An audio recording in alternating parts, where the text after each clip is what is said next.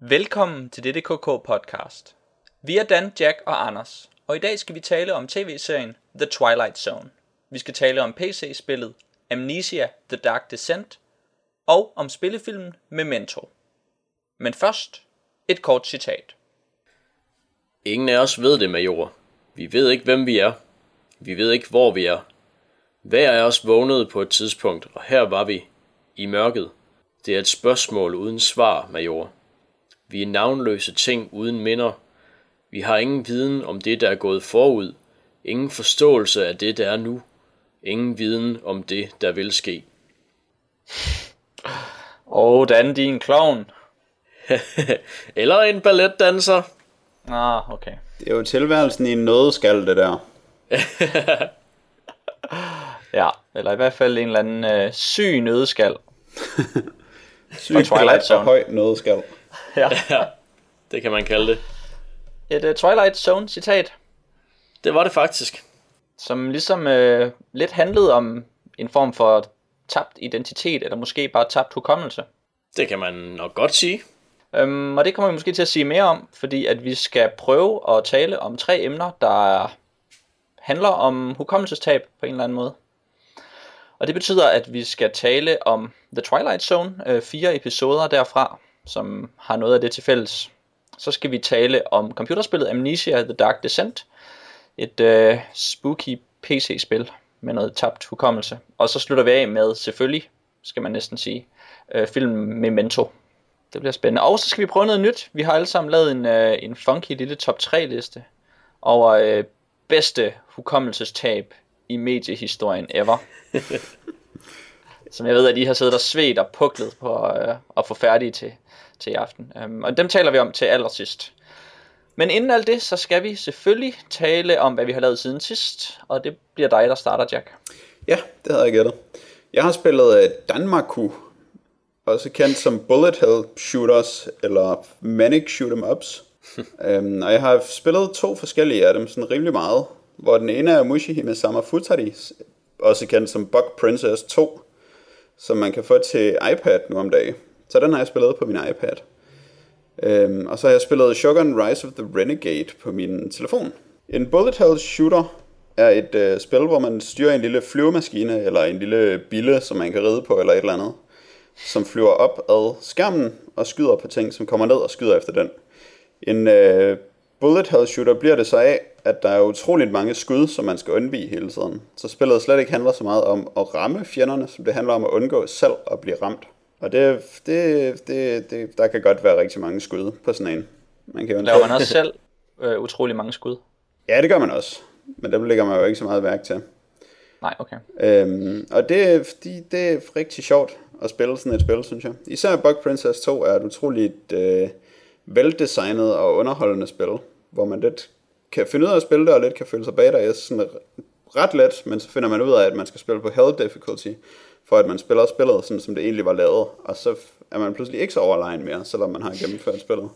Og så kan man spille Maniac Mode bagefter, og så kan man spille den sidste mode, som også har fire difficulties efter det, som jeg ikke lige er nået til endnu. Jeg er ikke lige kommet igennem Maniac Mode endnu. Men øh, det, det er øh, som sagt virkelig sjovt at spille, og det fungerer ret godt at spille det på en iPad, hvor man bare styrer sin lille flyvemaskine med fingeren. Det skal dog siges, at øh, hvis man sammenligner med Shogun Rise of the Renegades, som jeg spiller på min telefon, der er spilområdet, det er ligesom hele skærmen. Og det vil sige, at ens fede pølsefinger, de kommer hele tiden i vejen for at se, hvad der foregår. Mm. Øh, og nogle gange så er man nødt til at skynde sig at vende sin telefon på hovedet, hvis der er noget, der bakker om bagved en, for at øh, kunne følge med i, hvad der sker og undgå skud. Så det er sådan lidt upraktisk. Men Bug Princess 2 er lavet så smart, at der er sådan en ramme rundt om selve spillet, som jeg tror er i den oprindelige opløsning, som er ret lav. Øhm, hvor der ligesom er en sort ramme rundt med nogle knapper, og så er der sådan en lille sort område nederst på skærmen, hvor man kan have sine fingre, så man kan styre skibet fra, uden at have sine fingre inde på selve der, hvor man spiller. Og det er super smart. Men det er rimelig umuligt at spille det, mens det er varmt vejr, som det har været de sidste par dage, fordi man får svedige fingre, og så kan de slet ikke bevæge sig hen over skærmen. Og så er man nødt til at udvikle sådan en øh, kroget håndstilling, hvor man har sin negl presset ned mod skærmen, fordi den faktisk godt kan reagere igennem neglen. Og så får man sådan lidt ondt i sine negle af at spille. Ej, hvor sjovt. Men det er rimelig sejt. Det lyder hårdt. Og øh, som sagt, Bug Princess 2 er lavet af Cave, som er øh, det helt store japanske firma inden for genren, som har lavet rigtig mange af dem og rigtig berømte. Og det kan man godt mærke på, at det bare er virkelig øh, velgennemført, og det er sådan meget klassisk Danmark-oplevelse at spille det.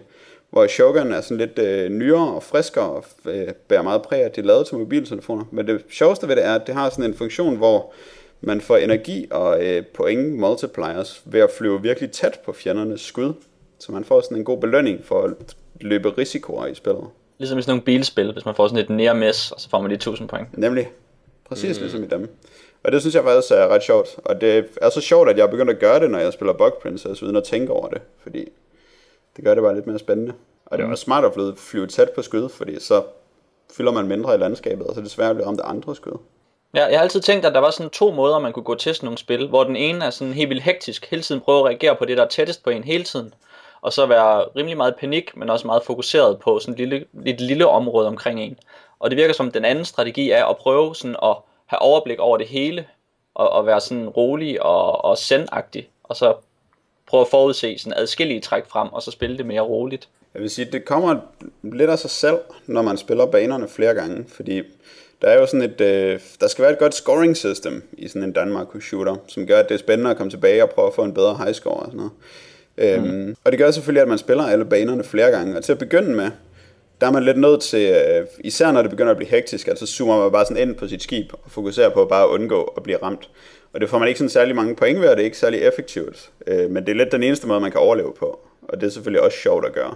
Men så når man lidt mere vender sig til, hvad det er for nogle mønstre, fjenderne angriber i, og hvornår de kommer, og hvor de kommer, så kan man bedre begynde at have et overblik og placere sig efter det. Og så bliver okay. det mere øh, taktisk på en måde. Også fordi, mm. at man kan ramme forskellige ting fra forskellige steder på skærmen, men hvis du placerer dig et bestemt sted, kan du ikke nødvendigvis komme et andet sted hen igen, fordi du er midt i øh, sådan et bullet curtain. Ja, kugle suppe. Kugle suppe. Som det jo hedder. Det synes jeg, det burde. Nå, hvad har du lavet den? Jeg har, øh, jeg har øh, spist min del af kuglesuppe i Deus Ex Human Revolution. det var godt, Dan. Ja, for jeg er blevet skudt i hovedet tit. er det en win condition, jeg spiller? Nej, det er det ikke. Det, øh, det er, når man ikke er så god, så bliver man skudt i hovedet. Det er jeg ked af, den. Ja, men, øh, men øh, ej, det har nu været meget sjovt at spille. Øhm, det er øh, det her, øh, ja, det her øh, cyberpunk first person action RPG, hvor man kan vælge at, ja, enten enten være helt vild og gå amok med alle sine øh, implants og store våben, eller så kan man vælge at liste sig rundt og håbe på, at man ikke bliver opdaget. Og så har jeg så mest gjort det sidste, og det har så resulteret i, at når jeg så bliver opdaget, så bliver jeg så skudt, og det gør nas. Men man kan ikke snige sig uden om bosserne, kan man? Øhm, nej, det er ikke så vidt jeg ved i hvert fald. Men der er ikke så mange bosser, er der? Nej, jeg har kun mødt en indtil videre. Jeg har spillet det i et godt stykke tid. Var det ham... Øh... Sådan en gal granatmand. Ja, det er præcis. Øh, han, ja, af en eller anden grund, så, ja, det var så, så lidt træls at, at finde ud af, at når man kan ikke så, man kan ikke snige, når man så møder en boss, fordi han ved præcis, hvor man er hele tiden. Og øh, jeg har så fokuseret meget på at snige og købt sådan nogle opgraderinger, der hjælper mig med at snige, så, så der var jeg så blød som bolledej, når jeg skulle slås med ham. Ja, men der, med, da man slår sig med den boss, der kommer man ind i sådan et rum, der er fyldt med alle mulige swag. Ja. Så man kan gå rundt og tage miner og granater ja. og, og lave alle mulige hul om hej med. Jeg mener, det var sådan, jeg klarede ham i sin ja. tid. Ja, det er rigtigt nok. Det var også det, jeg opdagede efter et godt stykke tid, at når jeg havde, havde tid nok til at løbe lidt væk fra ham, så fandt jeg ud af, at der var granater og miner og så videre. Ja, og energi over det hele. Ja, jeg ville bare have ønsket, at jeg kunne liste mig op bag på ham og gøre det af med ham, ligesom jeg gør ved de menige vagter, men øh, sådan kunne det ikke være med ham. Det synes jeg lyder irriterende. Alene det faktum afholder mig fra at spille Deus Ex. ja, det er også, det er heller ikke sådan, det er heller ikke sådan kun godt, men øh, altså jeg har haft det sjovt med at spille det, og øh, jeg regner med at spille det til enden, fordi det er stadigvæk sjovt nok, men øh, det, øh, jeg synes øh, det første Deus Ex var bedre. Hvad synes du om verden? Altså fordi, som jeg husker det, så var det i starten, øh, rigtig fedt og spændende, men så er det som om, at det hele lukker sig meget sammen. Ja. Um, og så fornemmer man ligesom, at man ikke rigtig skal bruge så lang tid på at udforske den verden, man, man er en del af. Ja, det er, det er en, det, det viser sig at være en forholdsvis lille verden, altså så kan man gå rundt i en lille del af en by, og øh, så sker der nogle ting der, man kan få nogle missioner og så videre, og så når man ligesom har klaret den del af spillet, så kommer man videre til en anden by, og så går man rundt i en mindre del af den. Og øh, så har de så valgt at gøre den sådan rimelig indviklet, den del af byen, man bevæger sig rundt i, så man ja, ligesom har svært ved at finde rundt. Og øh, det, det, det synes jeg ikke, der virker så godt. Fordi du er færdig vild. Ja, lige præcis. Og det er så meningen, at, eller jeg tror, det er meningen, at man skal have en masse spændende ting at udforske og sådan noget, men nogle gange så vil man bare hellere vide, hvor ens næste mål er, uden at komme igennem en masse, kravle igennem en masse, øhm, ja, en masse forhindringer. Eller hvis man ikke kan finde hjem til sin seje Blade Runner lejlighed. Ja, det er også en skam, for den er ret sej. Mm. Ja. Det er umiddelbart det fedeste ved det spil, synes jeg. Ja. Ja, der er også det, det problem, synes jeg, at de der upgrades, man kan få, de er ikke så, øh, ja, man, der er ikke så mange af dem, man synes, der, der, der virker sådan helt vildt fede, så der er ikke så mange af dem, man gider men der er nogle, man ligesom skal købe for at kunne komme videre i spillet, og så er der ikke så mange, man sådan har lyst til at købe, så, så selvom der er en del at vælge imellem, så er det, ja, så er det ikke så fantastisk et udvalg alligevel. Det lyder også virkelig som sådan et spil, som ingen kan finde ud af at lave, synes jeg. Sådan ja. en uh, first person shooter med RPG-elementer. Ja, men det, det gik overraskende godt. Det gik overraskende godt, da de lavede det første af dem. Ja, det var, øh, det spillede jeg mange år efter det kom, fordi først så sagde det mig ikke noget, men så af en eller anden grund, så kom jeg til at spille det, og så var det bare helt vildt fedt. Der kan man bare se. Ja. Kan jeg skulle prøve det så? Jeg kan ja. rigtig komme på nogle eksempler, hvor det lykkedes rigtig godt. Nej, det, det synes jeg det første, det er, øh, der virker det sgu ret godt. Og så i, i det her, så, jeg ved ikke, så har de valgt at gøre det ja, større, bedre og vildere, øh, har de i hvert fald følt, tror jeg. Og så er det bare, ja, så det, så det er sådan lidt, ideen, eller den der, øhm, den der, ja, det der formål, man ligesom følte, man havde i etteren, det er ligesom lidt forduftet. Altså, så man skal faktisk bare spille etteren? Ja, det vil jeg nok sige, man skal. Alright. Uh, jeg har uh, set otte nye DVD-udgivelser siden sidst. Jeg tænker, at jeg lige vil starte med at tale om fire af dem, og så kan jeg måske tale om fire af dem senere igen. Øhm, den første, jeg så, det er en, der hedder Bernie, som er Richard Linklaters nyeste film, um, med Jack Black i hovedrollen, som er sådan en øh, rigtig øh, Texas-satire, som tager den her form af at være en, øh, sådan en, en dokumentarfilm, sådan mockumentary-agtig, på trods af, at den så er ren fiktion, som man så til sidst finder ud af er baseret på virkelige hændelser. Mm. Øhm, så måske er det en form for, for en dokumentar. Men det, det vidste jeg ikke, da jeg så den, så det er ikke helt sådan, jeg har, øh, jeg har absorberet filmen. Og så handler den om den her, øh, den her bedemand, og så hvordan at han charmerer sig ind på gamle damer, fordi at han simpelthen bare er så flink og rar.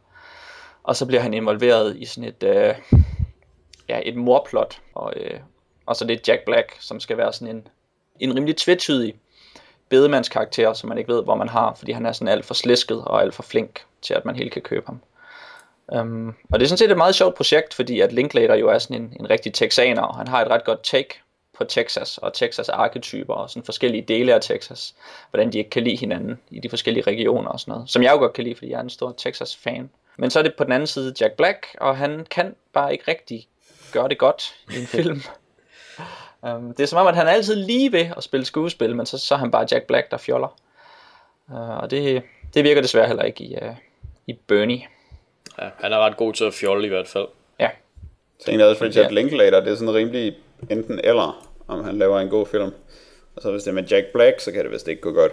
Nej, ikke specielt godt. Altså den er sådan, det er alligevel en fin underholdning, vil jeg sige, fordi at den har så meget, øh, så meget finurligt karakterskuespil i sådan alle de små sådan dokumentarvignetter, der sådan er plastret ud over hele filmen. Da den så går i gang med sådan substansen og plottet, så har den ikke rigtig noget. Udover Jack Black, og han er bare ikke god nok. Så har jeg set uh, Young Adult, som er en Jason Reitman film, um, og Diablo Cody film, og det er altså dem, der har lavet Juno. Så mm. ja, så det er sådan noget Juno halløj. Um, men med Charlize Theron, det skal man lige vende rigtigt. Ja, det er ret. Øhm, ja, som er en, øh, en mørk komedie om den her øh, sådan en, øh, en kvindelig hovedperson, som, som tager tilbage til sin hjemby, og så mødes med alle de der øh, gamle, gamle venner, og bliver konfronteret med, at hun ikke er kommet langt nok i livet. Um, og så har den sådan nogle, øh, sådan nogle øh, en, masse, en masse scener, hvor hun taber ansigt. Men hun er alt for cool til at tabe ansigt, fordi at hun bare er sådan hip og, og frisk. Og så alligevel så falder hun fra hinanden, og så bliver det sådan meget, øh, meget moderne, meget hipsteragtig fortælling. og øh, jeg synes ikke rigtig, den virkede så godt, øh, men Den har, øh, den har en interessant måde at lave en kvindelig hovedperson på, som jeg ikke rigtig tror, jeg har set før. Så det kunne man øh, umiddelbart se den for. Hun er så meget en antihelt, og øh, hun er ikke rigtig en, en martyr på nogle punkter. Man kommer bare til at have hende mere og mere til sidst. Så det, øh, Det lyder lidt træls. Eller fedt. eller fedt. Det, den, er, den er faktisk lidt interessant på grund af den del af det. At det, er en, det er typisk sådan en... Øh, altså det er næsten sådan en Woody Allensk-agtig karakter, som bare sådan laller rundt og er en nar. Men så er det bare en, øh, en smuk ung kvinde i stedet for. Og så er hun sådan neurotisk og lidt for meget hele tiden. Så det er interessant. Så har jeg set Jeff Who Lives at Home, som er øh, Jay og Mark Duplass' øhm, nyeste film. De er også kendt for film som Puffy Chair. Øhm, og det er faktisk også Jason Reitman, øh, som der har produceret den film. Så den ligger totalt i den øh, sådan amerikanske, øh, ja, hvad skal vi kalde det, sådan young adult, Juno-agtige tradition. Øh, hvor at, øh, at det er sådan en let komedie, hverdagskomedie med nogen, der, der har, oplever nogle, nogle vigtige dele af livet, øh, mens at der sker fjollede ting omkring den. Og det her det er selvfølgelig bare den her Jeff, who lives at home, øh, som, øh, som ikke kommer nogen vej ind i sit liv, og så, øh, og så skal han så videre. Og så viser det sig måske, at han hele tiden har levet sit liv, som han skulle, fordi at han udretter noget, og måske ikke. Det er sådan set ligegyldigt, fordi det er bare en lille, en lille komedie. øh, og den sidste, jeg vil nævne, det er God Bless America. Det er Bobcat Goldthwait, der har lavet den. Hvis man kender øh, Seth fra Police Academy, for eksempel. Ja, yeah. Ja. Øhm, så er det hans, øh, hans nyeste film. Han har lavet en del øh, siden Police Academy, som jeg ikke har set. Så jeg er ikke helt inde i ham, men det virker som om, at han er sådan en, øh, sådan en provokerende stand-up komiker, som godt kan lide at, at være sådan lidt vild, og så have en, lave en film om en lille pige, der dræber folk, og så skal man blive provokeret af det.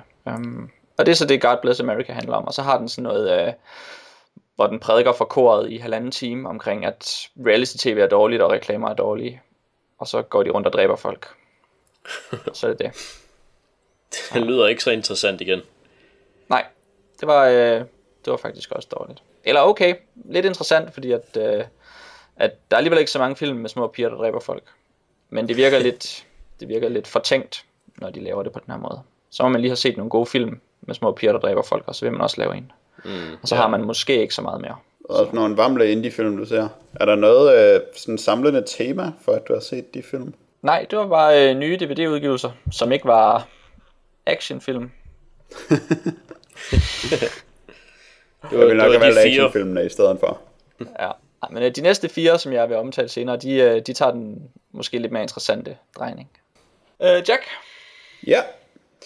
Jeg har lige læst manuskriptet til Ronnie Rocket, som er efterfølgeren til Razorhead, som David Lynch han aldrig lige fik taget sig sammen til at lave. Selvom han siger, at han stadig lidt er i gang med den.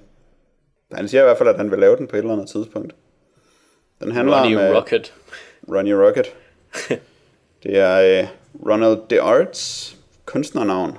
Øh, han er egentlig sådan en hjernedød dværg i en hospitalseng, men så er der sådan nogle læger, der sætter en masse strøm til ham, og øh, giver ham nogle pænere ører, og så adopterer de ham som deres søn. Og samtidig er der sådan en detektiv, som kan stå på et ben, og derfor er han nødt til at rejse ind i Ronnie Rockets hoved, og finde Hank Bartell, som øh, laver råd ind i Ronnies hoved. Og det er et øh, mystisk, dystopisk, industrielt, strømbaseret univers, som han bevæger sig ind i, og oplever masser af wacky hijinks. Så der er rimelig meget af det, der virker som en rimelig god film. Især slutningen virkelig... Øh, der kommer nogle stort opblæste øh, Götter Dæmmerung scener, hvor der bare sker alt muligt ubehageligt hele tiden, og sådan meget af det på én gang. Så det var rimelig Wow. fedt. Men der er også ret meget, hvor folk bare er sådan lidt fjollede på sådan en irriterende David Lynch-agtig måde, hvor de bare snakker for at snakke om noget, der ikke giver nogen mening. Synes du ikke, det er fedt nogle gange? Øhm, jo, nogle gange. Men det er også ret tit ikke fedt. Det kan godt være. Men hvis man nu forestiller sig en rigtig god skuespiller, som der står og siger noget mærkeligt. Nej, det synes jeg ikke. Jeg synes, der er en hel del øh, replikker og dialoger i David Lynch-film, som øh, bare er åndssvage og fjollede, og som går mig på nerverne. Nå, for satan. Hvad fik dig til at læse manuskriptet der? Mm, Der var en, der sagde, at jeg skulle, og så havde han det lige, og så gav han mig det. Ah, Så sagde han, at jeg skulle læse det ja okay. for to år siden eller sådan noget. Så nu gjorde jeg det. Godt klaret. Ja. Men der er meget fedt øh, sådan billedsprog i den. Men det er jo sjovt at læse et filmmanuskript, fordi så er det jo bare mig, der har lavet alle billederne. Så jeg ved ikke rigtig, Ja. om der er nogle gode billeder i filmen. Nej. Det er ikke til at sige, sjovt. for han får den lavet. Jeg har faktisk også engang læst uh, Fire Walk With Me manuskriptet, inden jeg så filmen. Det var også ret sjovt. Fordi det er faktisk ikke så tit, jeg læser manuskripter. Nej, heller ikke mig. Nej, heller ikke mig. Har du lyst til at, uh, at læse flere? Filmmanuskrifter? Åh, oh, mm. nej. Det gør jeg egentlig ikke. Altså, for der er jo vel en del eksempler på sådan noget, noget der er blevet canned, men som måske har noget interessant, mm. som man kunne grave frem og læse. Ja, men så skal man grave efter det. Og jeg tror ikke, jeg gider grave efter det, fordi hvis jeg skulle læse noget, der mindede om det, så er der masser af fremragende teaterstykker, som jeg ikke kan downloade et DVD-rip af, mm. men hvor jeg kan læse manuskriptet. Det er rigtigt. Men hvis jeg nu kom med et, vil du så have læst dem to år? Ja da. Okay. Fedt. Jeg læser det alt, hvad folk siger, jeg skal læse. Ja, han sagde det. Get him. Jeg siger bare ikke, hvornår jeg gør det. Nej, okay. Nå, men vi må også hellere øh, kridte skoene. Dan, har du lavet mere? Ja, jeg har læst øh, den sidste del af League of Extraordinary Gentlemen Century, øh, nemlig 2009, som øh, kom her for et par måneder siden, tror jeg. Det var den, som vi læste øh, den af. Ja, vi læste den der 1969, eller 1969, som man vil. så øhm, ja, så læste jeg øh, ja, så læste jeg lige den sidste her øh, af de tre. Øhm, og øh, den fortsætter ret meget i samme øh, ja, i samme øh, lidt øh, forvirrende stil med en, et, et persongalleri, der også er øh, der er de her tre hovedpersoner, som er Orlando, den her mytologiske udødelige person, og så Mina Harker, og så øh, Alan Quarterman. Og øh, der er så øh, også et, et væld af bipersoner, som man måske måske ikke kender, fordi de alle sammen er referencer til et eller andet litterært værk, øh, eller tv-serie, eller hvad man skal sige. Og det er, altså, det, det, det var fedt at læse dem som sådan en, hvad kan man sige, nærmest sådan en arthouse oplevelse, men det der sker i den, det, det sådan går ret meget i baggrunden for, hvor, hvordan det sker, og hvem man kan genkende og sådan noget. Så mm. det er sådan lidt en mærkelig oplevelse. Ja, hvad er, sådan, øh, hvad er det, der springer mest ud som sådan en, og den person havde jeg ikke lige regnet med, at ville være med. Øhm, altså, jeg vil sige, jeg havde ikke regnet med, at, at Harry Potter ville stille, spille så stor en rolle, som han gør. det kan man måske Ej. sige. Så tror jeg, jeg ved, hvad du mener nu. Så øh, det, var lidt, det var lidt skægt. Hedder han bare Harry Potter i den? Øh, jeg tror ikke, han er nævnt ved navn, Åh, godt nok. fordi det tror jeg måske ikke, man må. Det tror jeg heller ikke. Men altså, det er ikke, det er ikke svært at, at finde ud af, hvem det er, der bliver hentydet til. Okay. Ja. Er han skurken? Han er, han er skurken. Det virkede sådan lidt oplagt, jeg ved Ja. ikke hvorfor. Ja, men øh, ja, det var ret sjovt. Ja, det lyder da sket. Jeg vil ikke høre noget om det, for jeg har ikke læst den endnu. Ah, Okay, Så derfor vil jeg ikke sige noget Okay. som helst. okay. Jeg sur måler bare. Men så tror jeg ikke, du, du må tale mere om den, Dan. Det må jeg hellere lade være med. Du må sige om, øh, altså er den øh, bedre end de forrige? Øhm, altså, jeg tror stadigvæk, øh, 1910 er, er min favorit af de tre. Okay. Jamen så vil jeg springe videre til de sidste fire film, jeg har set siden sidst. Um, Chronicle, som er skrevet af John Landis, um, er øh, ja, en grund til, at jeg nævner, at hvem der har skrevet det, er fordi, at, at man kender ikke rigtig nogen af skuespillerne eller øh, instruktøren.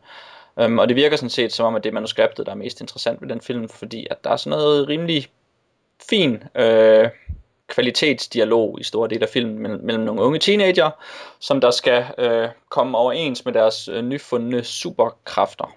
Og så, øh, så tager den sådan et mere socialrealistisk take på, hvad det vil sige, hvis man pludselig bliver en øh, ung superhelt. Det er jo ikke noget, man ikke har hørt om før, men det er måske et, et den måde, den er behandlet på som en film, og som en sådan indie lavbudgetsfilm, øh, så er det måske øh, en lille smule øh, originalt, det den gør. Øh, den holder ikke helt i længden, men øh, den er stadig interessant at se, fordi at den er noget lidt, noget lidt unikt i den retning. Men det er jo svært, når, når de så pludselig får superkræfter, og så skal man lave en historie, der handler om, at de ikke kan håndtere deres kræfter, og den, er lidt, den, den bliver lidt svær for dem at fortælle og gøre spændende. Um, så, så lærer de at flyve, og så falder filmen til jorden. Mm. Øhm, så har jeg set en film, der hedder Margaret, som måske er en af de bedste film, jeg har set i et stykke tid. Med Suki Stackhouse i hovedrollen, øhm, som jeg ikke lige kan huske, hvad hedder i virkeligheden. Anna Paquin. Ja. Øhm, og så er der nogle, øh, nogle gode biroller med øh, Matt Damon og Matthew Broderick, og så Mark Ruffalo, som jeg virkelig synes er sej, hver gang jeg ser ham efterhånden. Ja, Yay.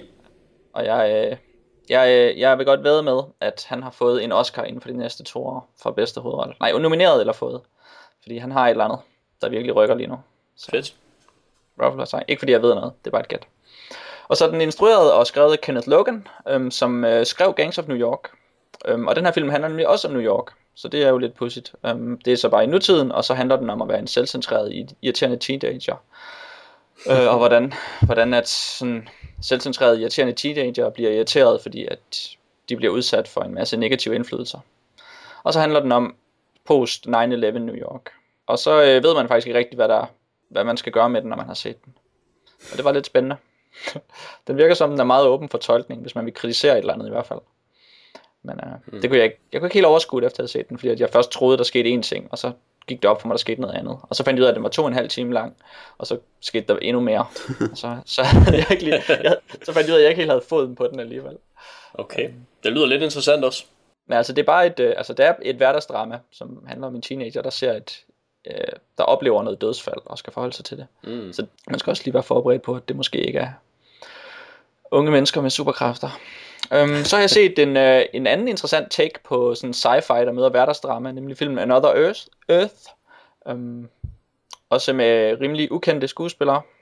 Um, ham der Ethan for Lost, han spiller en uh, stor rolle i det. Det er den første af The Others, der kommer til øen. Åh oh, ja, ham husker jeg. Ja, han spiller uh, sindssygt dårligt i den her film, uh, og det gør uh, den kvindelige hovedrolle faktisk også. Men den har sådan en sjov uh, blanding af sci-fi og hverdagsdrama, hvor sci-fi-delen er rigtig godt, fordi ja, det er sådan set filmens præmis fra starten af. Det viser sig, at der pludselig er dukket en anden planet op, som er ind til jorden. Som man lige pludselig, der lige pludselig bare er der, og så skal sådan samfundet forholde sig til den, og så kommer der noget, øh, noget kæk mediesatire og sådan noget omkring, hvordan samfundet reagerer på en ny planet. Og så udspiller der sig sådan et rigtig, rigtig lamt øh, hverdagsdrama sammen med.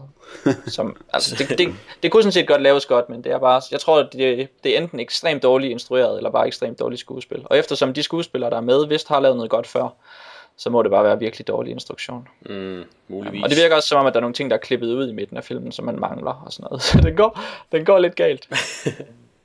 øh, og så øh, den sidste, der går galt, det er filmen Like Crazy, som er øh, et romantisk drama, der vandt en specialpris ved Sundance for et eller to år siden. Um, og det er virkelig bare øh, sådan noget Linklater øh, um, Before Sunrise-agtigt men bare fuldstændig statisk og uforløsende, og så sådan helt vildt kikset, øh, helt vildt kikset konflikt med, at de ikke kan være sammen, fordi at han ikke, hun kan ikke få visa til USA, øhm, eller visum til USA, og han gider ikke lige flytte til England. og så kan de ikke få hinanden, og det er bare... Tragisk. Ja, det er virkelig ja, tragisk. det er virkelig stort drama. ja, øhm, men øh, så kan man, det er sådan, ja, det er der det romantiske drama, hvis der er lige nu, hvis man skal vinde sådan en. Godt. Godt, at man Ja. ikke behøver at beskæftige sig med det. Ja, så øh, det var nogle øh, DVD-picks, hvis man interesserer sig for det. Men jeg synes, vi skal øh, springe frem Ja. til en ny zone, Jack. Det skulle vel aldrig være tusmørke-zonen. The Twilight Zone, som vi skal tale om nu, eller som vi skal tale om fire afsnit af, er en uh, antologi-tv-serie, som startede i uh, 1959 og kørte indtil 1964 i første omgang, som er blevet genoplevet to gange siden. Den er udtænkt øh, og hovedsageligt skrevet og produceret af Rod Serling, som øh, ja, han skrev for tv dengang. Og han var, øh, han var tv's vrede unge mand på det tidspunkt, så han ville ikke finde sig i al den censur, som han blev udsat for, når han skrev noget. Øh, fordi man skulle have sponsorer dengang, det var meget vigtigt, og så måtte man ikke lave noget, der var for, for stødende og for mærkeligt. Så han blev uvenner med, der var han arbejdede, så ville han gerne lave en ny tv-serie, som hed The Twilight Zone, som han havde meget svært ved at få lavet i første omgang, indtil et af afsnittet blev lavet i en anden serie af tv-film, er det vel egentlig, som så blev berømt, og så fik han lov til at lave det for CBS. Og det er som sagt en antologi-serie, så hvert afsnit har ikke noget med det foregående afsnit at gøre, men det er små halvtimers historier, om øh, mennesker, som der sker noget mystisk for. Og så er der gerne et øh, plot twist til sidst, og en, en morale til dem. Og der blev lavet i alt 156 afsnit af den første serie over fem sæsoner, hvor øh, Rod Serling han blev mindre og mindre involveret i den, selvom han stadig skrev flest af afsnittene. Og vi skal tale om fire af de her afsnit, som mere eller mindre har noget med amnesi at gøre. Ja. Hvad for en synes du, der var mest interessant? Eller hvad for en vil du helst tale om, Jack? Where is everybody? Hmm. Hvad siger du til den, Dan? Synes du også, den er interessant? Ja, det synes jeg. Fedt. Så synes jeg, vi skal starte med at tale om den. Og så øh, kan vi se på de andre bagefter. Where is Everybody er det første rigtige afsnit af serien. Og man bliver øh, kastet lige ind midt i tingene, med, hvor man møder en mand i en kædeldragt, der kommer gående hen ad vejen. Og så hører han, øh, at der er musik fra en café, og så går han derhen. Øh, og jukeboxen spiller rigtig højt. Og så, øh, han skruer faktisk bare ned for den, selvom man havde regnet med, at han ville trække stikket ud, fordi det gør folk altid med jukeboxes. Hvis de skal have dem til at spille, holde op med at spille, eller spille mindre, så trækker de altid bare stikket ud på det, i stedet for at slukke dem, eller at skrue ned, som han gør. Øh, og der er ikke nogen på caféen, og der er ikke nogen, der kan servere noget morgenmad for ham. Og så finder vi ud af, at vi ved ikke, hvem han er, og det gør han heller ikke selv. Det eneste, han ved, er, at han har cirka 2,5 dollars i lommen, så han må være amerikaner, og han er sulten. Og han bruger rigtig meget tid på at tale ud til et tomt køkken, på sådan en rigtig nonchalant måde, som jeg synes var ret sjov. Råbe af et tomt køkken. Ja. ja. Fordi han antager bare, at når der er altså nogen i et køkken, og så skal man bare råbe derind. Ja, Men der er jo ikke nogen Nej. det er der nemlig ikke. i det her tilfælde. Og det bliver der jo ved med ikke at være. Så da, da han finder ud af, at der ikke er nogen der, så øh, går han ind til den nærliggende by. Og han tror, han finder nogen, men det er bare en mannequin-dukke. Og der er ikke nogen. Nogen steder i byen. Hvem passer butikkerne? Det ved vi ikke. Det ser ikke ud, som om der er nogen i butikkerne heller. Nej. Så han øh, tumler lidt rundt og prøver at finde ud af, hvad han skal stille op med sit liv. Men der bliver jo øh, mere og mere uhyggeligt i byen for ham. Ikke mindst fordi han føler sig mere og mere alene selvfølgelig, og det er mere og mere ubehageligt. Men han føler, at der er nogen, der holder øje med ham. Og der sker sådan nogle øh, mærkelige ting, som om der er en øh, ondsindet kraft, der masser med ham. Ja, så kommer man virkelig tæt på øh, plot twistet nu. Men han, han husker også lidt undervejs. Altså det der med, at han indser, at han er i Amerika, fordi han har amerikanske dollars. Og han, øhm, hvad er det, den der kædeldragt, han har på, den finder han ud af, der er fra luftvåbnet af, gør han ikke det? Jo, Jo, det er rent nok. Ja. Så han, han ser en filmplakat, og så indser han, at han er i luftvåbnet. det er rigtigt. Hvad tænker I sådan umiddelbart, når I starter med at se noget tv? Og så er der en, der har hukommelsestab. Er det så godt eller dårligt? Hvad er, din, hvad er din øh, sådan, øh, refleks på det, Dan? Øh, I Twilight Zone, så er jeg meget positivt indstillet til, for, over for alt til at starte med. Men øhm, i, generelt i tv, især i tv og hukommelsestab, så øh, er det lige før jeg tænker øh, sådan noget Horton-sagaen og lignende, der er, ja, hvor man, hvor man hvor der er en eller anden, der sådan bliver slået i hovedet, og så har vedkommende hukommelsestab, og så måske i næste afsnit, så bliver vedkommende slået i hovedet igen, og så kan, så kan personen huske alting. Øh, så er det sådan et meget tyndt plot device, øh, normalt frygter man. Er det meget bekvemt for, Ja. en, altså for en manuskriptforfatter at bruge? Og det har sikkert også været brugt, eller det har været brugt så meget, at, at øh, for eksempel i, i det gamle Futurama, at øh, den der All My Circuits robot-tv-serie, der laver de tygt, øh, tygt grin med det. Det er rigtigt. Nå. Hvad, hvad tænkte du, Jack, da du sådan så det første af den her serie? Var det... Øh... Okay, nu vidste du jo måske, at det ville komme til at handle om, øh, om en, der ikke kunne huske, hvem han var. Ja, men jeg blev alligevel helt overrasket over, at han havde hukommelsestab. Fordi jeg synes, det var så fedt, at han øh, bare ville bestille noget morgenmad. Så så han sine penge, og så regnede han ud, at han var amerikaner. Og så forstod man, at han ikke vidste, hvem han var. Ja. Men han tog det bare så pænt. I modsætning til, at folk de skal sådan løbe rundt og være helt døllede og forvirrede og øh, paniske. Så var han sådan Ja. ja. rimelig cool med det, og ville bare have noget kaffe og noget morgenmad. Jeg sådan finde en eller, anden, øh, en eller anden kok, han kunne small talk med, og lige fortælle, hey, jeg, jeg gik lige på den her vej, og jeg vidste slet ikke, hvordan jeg var kommet til den her vej. Jeg var der bare på sådan en virkelig afslappet måde. Ja, Det er fedt. Men så kommer plot twistet jo.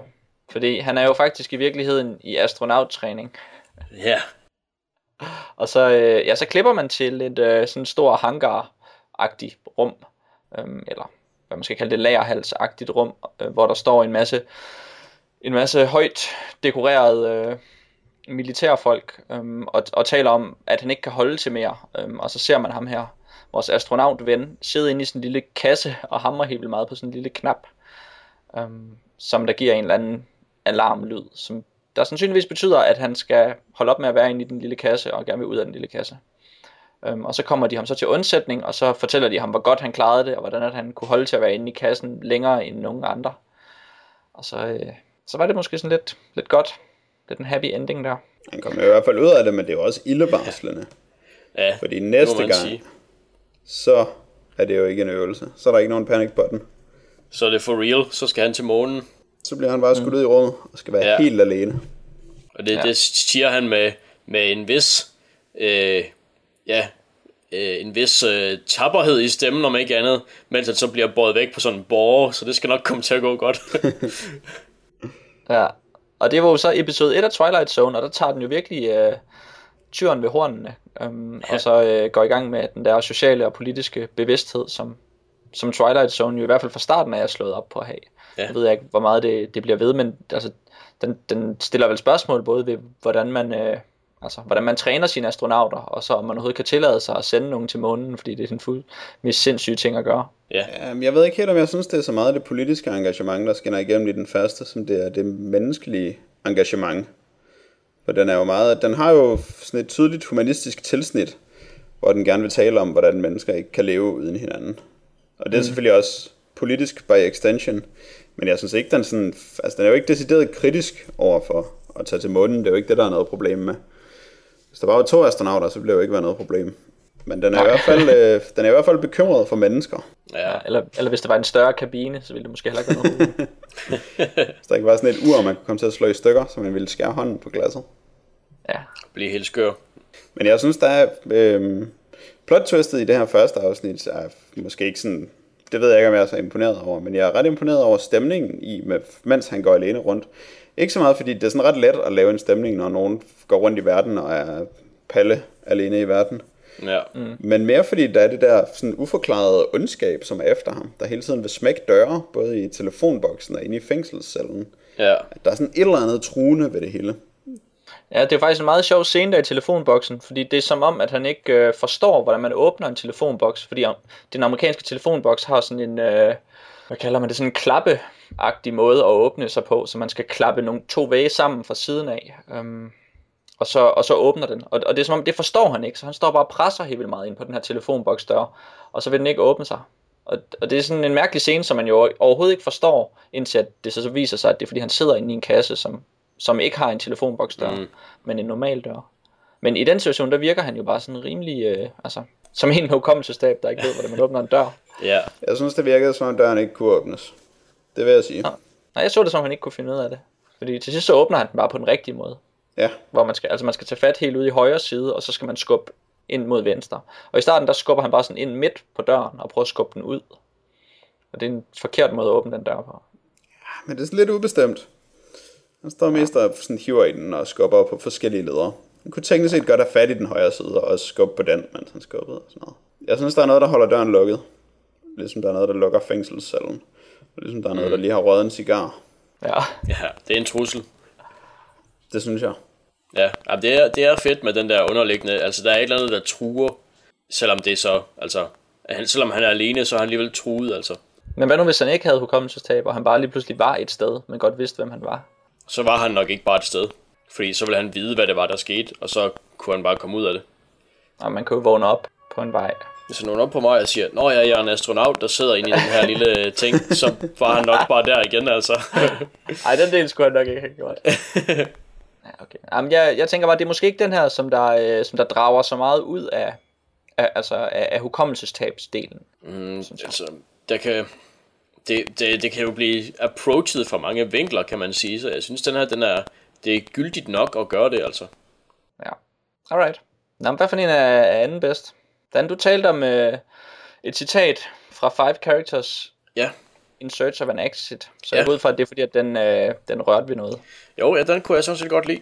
Det er episode 79, så det er jo så ja. i en, altså relativt sent i, Ja, i Twilight Zone sammenhæng. det er rigtigt. Det var, øh, det var en, jeg ikke havde set før i hvert fald. Um, så øh, det var øh, spændende for mig at se den.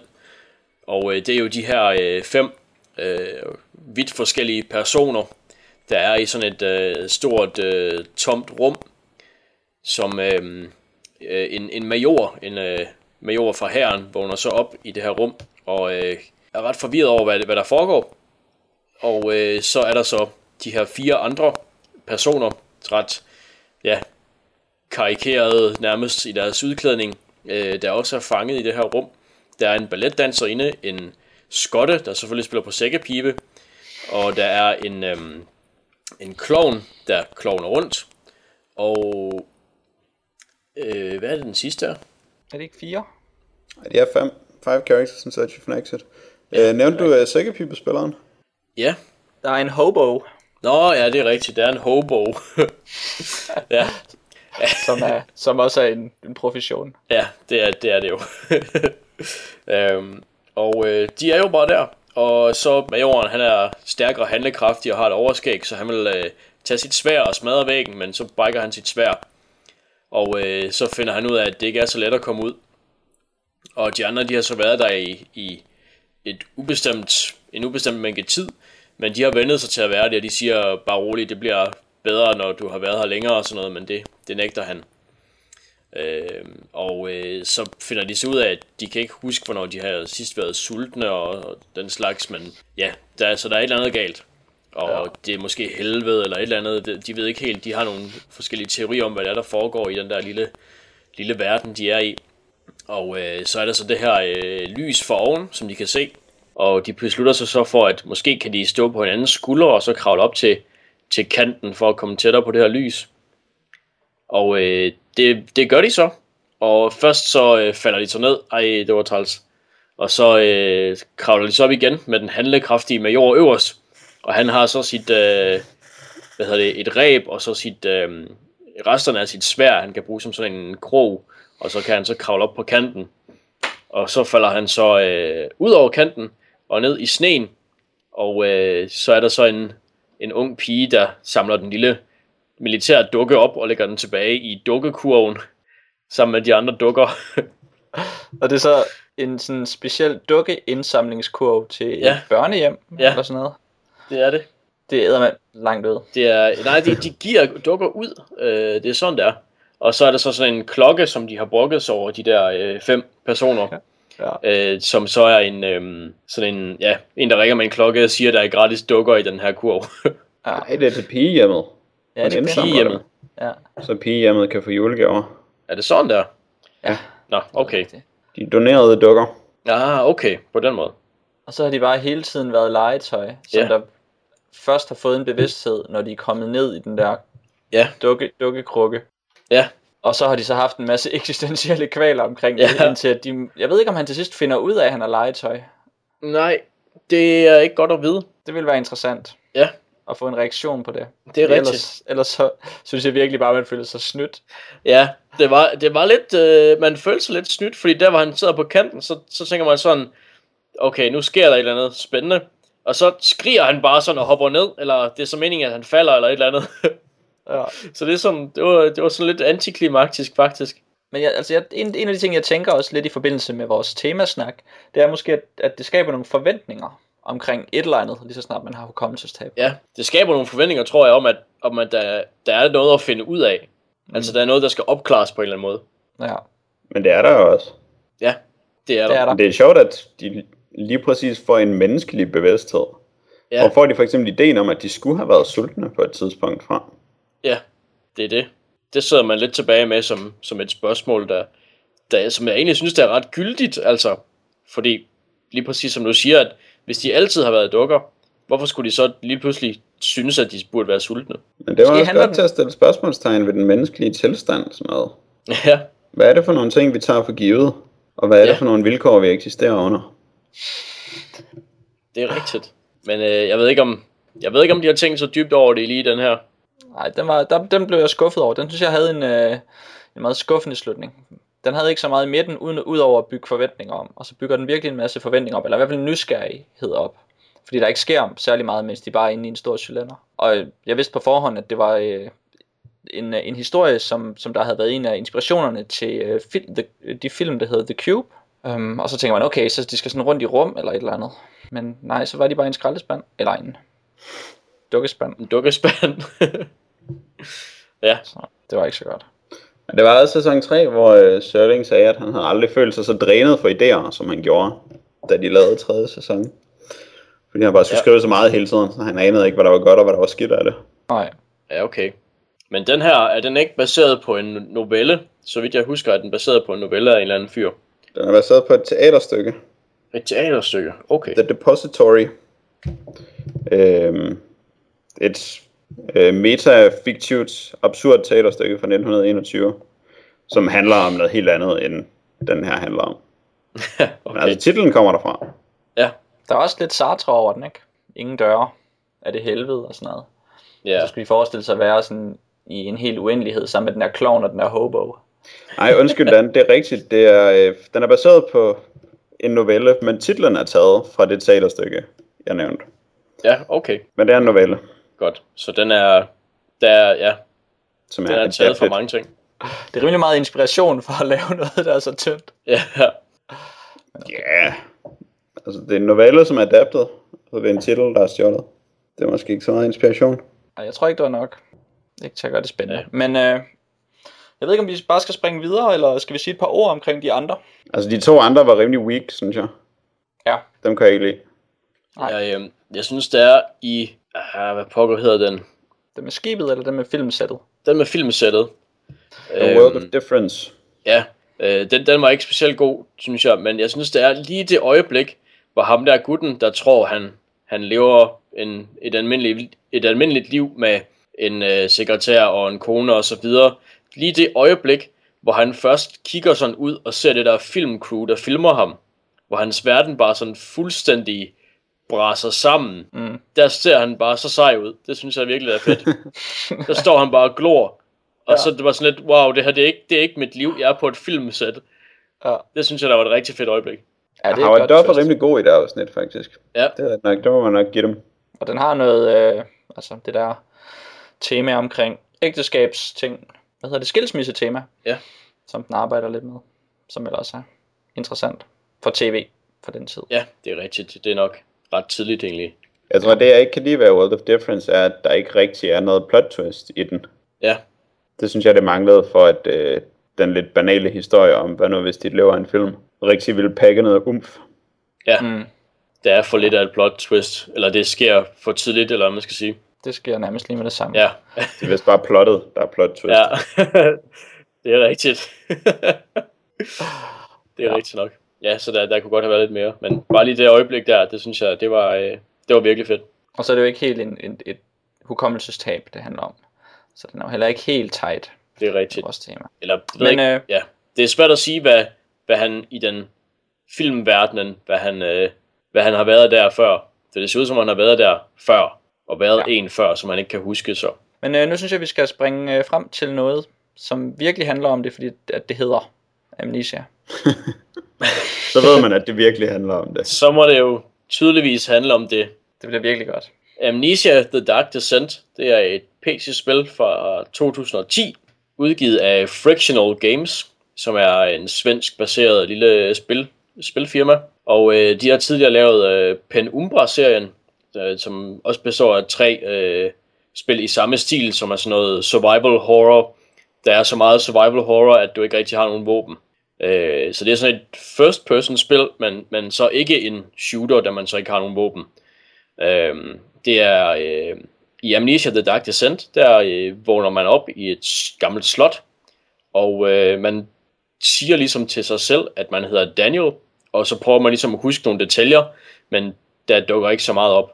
Øhm, man har tydeligvis glemt sådan en hel del om, hvad man selv er, og hvorfor man er der og sådan nogle ting. Og øh, så ret tidligt i, øh, i spillet, så finder man så et brev, skrevet til en selv, af en selv, øh, fra den gang man kunne huske noget. Og der er nogle instru- instruktioner, øh, og den, den vildeste instruktion af dem, det er nok, at øh, der er en gammel mand på slottet, der hedder Alexander. Øh, find ham og dræb ham. Øh, for du er ung og frisk, og hans krop er gammel og svag, som noget i den retning står der i brevet. Øh, og så får man også lige at vide, øh, som en lille sidebemærkning, at man bliver forfulgt af sådan et specielt væsen, der kan forvrænge virkeligheden og er sådan ved at finde en. Så man skal også lige passe lidt på. Og øh, så går man ellers på jagt, øh, eller går man på, på opdagelse øh, bevæbnet med øh, fyrtøj og øh, lampeolie, og øh, så, hvad kan man sige, det, det vildeste våben, man har, det er så egentlig ens lys, så man kan se, hvad fanden man laver, for spillet det er tit ret mørkt.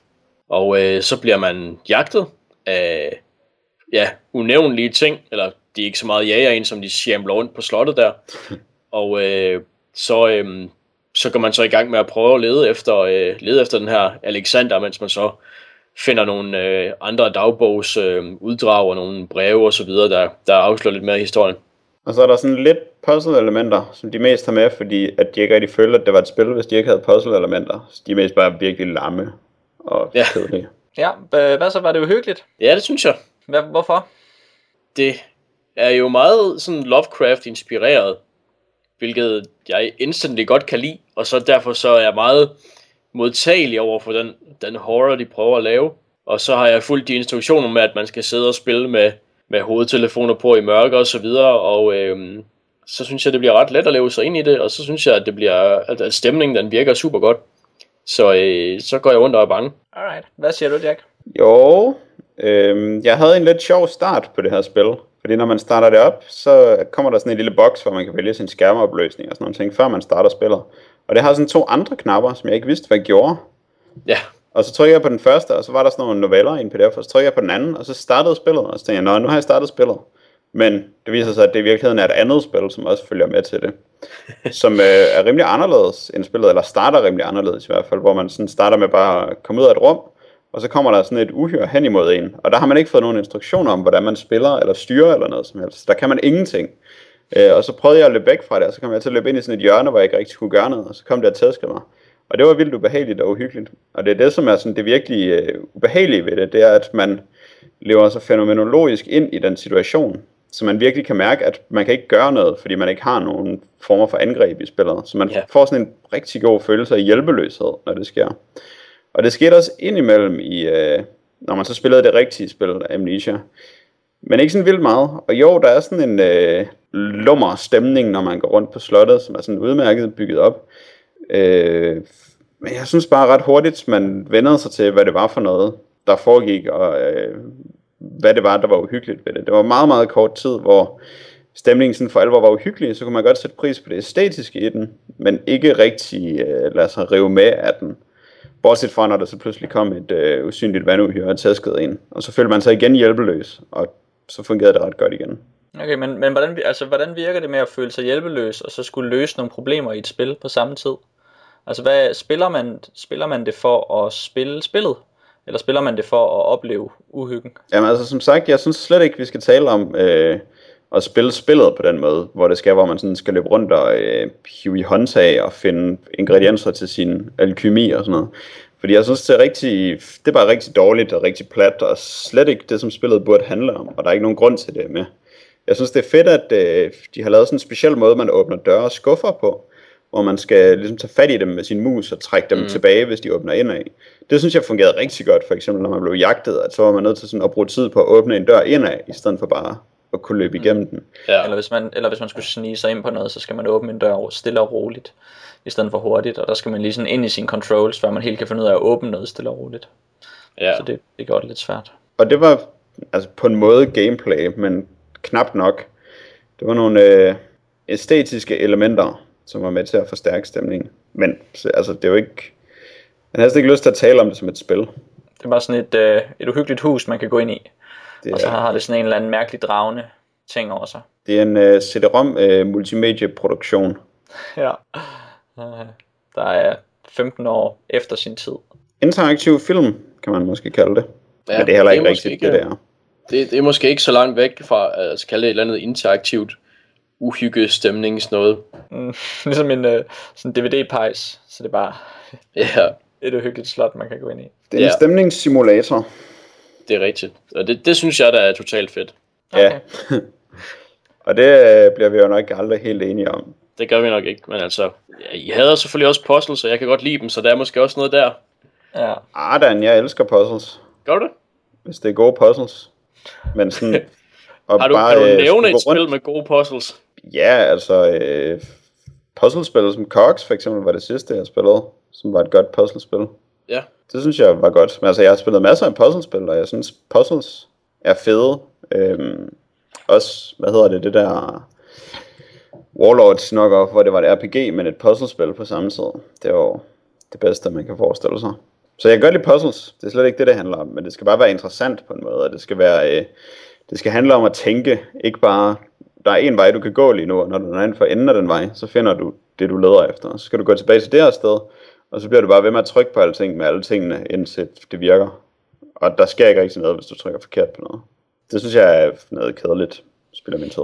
Men øh, udover puzzle, så er der jo også altså, nogle klassiske survival horror ting med, at man har noget, man bruger, noget, man løber tør for, som, som man bruger i løbet af spillet. Og det, det giver vel, altså er det ikke en dimension, som, man, som, som gør det spilagtigt, at man har noget, man løber tør for? At man har noget, man afhænger af?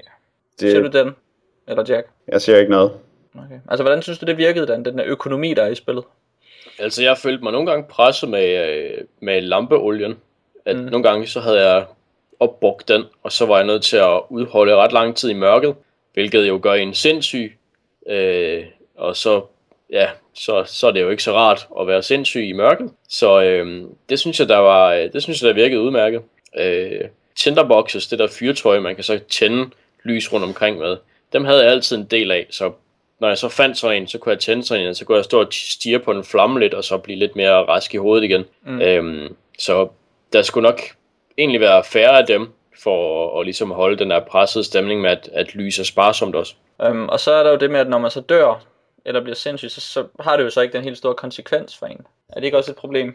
Øh, det er rigtigt, det, det har det ikke i, i Amnesia i, i hovedspillet der. I den der, øh, i den der ekstra en, den der Justin eller sådan noget, der mener jeg, at der er det ikke muligt at gemme, så det har de sådan ligesom rettet op på. Der, ja, der dør man. Ja. Når man dør. Ja, så øhm, det, øh, ja, der, der, der burde måske være hårde konsekvenser. Okay. Det ved jeg ikke helt, om der egentlig burde være. Altså, jeg vil virkelig være træt af at skulle spille spillet forfra, når jeg ja, døde. Fordi det er, jeg, du, det er du faktisk ret i. Jeg tror ikke, det er særlig replayable, det her spil. Nej.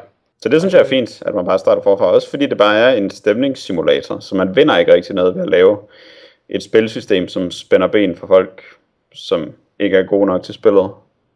Eller at lave et spil, som er for svært, så folk dør, og så frustrerer det en. Ja, det er du sådan Jeg kan ikke se, hvad man skulle have vundet ved. Nej, altså jeg tror, altså jeg kunne ikke specielt godt lide det her spil, øhm, og jeg synes ikke rigtigt, det gav mig noget.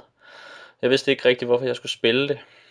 Um, jeg havde det som om, at det sådan lidt modarbejdede mig i, mange områder, hvor man ikke rigtig har kontrol over sig selv og sådan noget. Og, og så, ja, som sagt, så ved jeg bare ikke, jeg vidste slet ikke, hvor jeg skulle hen med det. Så jeg endte med ikke at spille det særlig meget. Um, jeg havde svært ved at finde nogen form for motivation i det, og det er jo nok fordi, at der ikke rigtig er noget, der driver en frem, ud over bare det at spille spillet. Ja. Så du nød ikke stemningen? Nej, det gør jeg ikke. Jeg synes, det var, øh, det var det for, altså, jeg synes, spillet var for grimt, til at jeg kunne lide det. Jeg synes ikke, at det var et særligt fedt slot, de havde fundet på. Så. Det var synd. Jeg synes, det ja. var et meget godt slot. Ja. Det var jo så mørkt, at man ikke rigtig kunne se, hvor grimt det var det meste af tiden. ja. Det var også fint. Men ham der, der øh, lægger stemme til Daniel, hovedpersonen i spillet. Oh, han er godt nok... Han overspiller, når han skal ja. lave noget. han, er, ham har de ikke været så heldige med, det er rigtigt. Det var virkelig irriterende.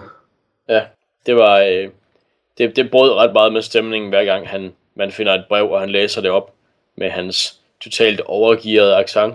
Ja, man er jo også fra 1840. ja, ja. Så han taler sindssygt åndssvagt.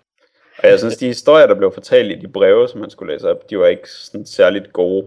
Det Ej, der, de er lidt uh, eventyr i Orienten, det var rimelig plat og ligegyldigt. Så der var man bare, så falder man bare ned i sådan en pyramide, og så finder man en mystisk orb dernede.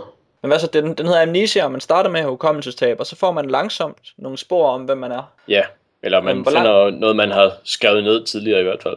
Ja, sådan hele vejen igennem spillet, så finder man nogle af sine egne noter placeret rundt. Ja. Som fortæller en, hvem man er. Ja.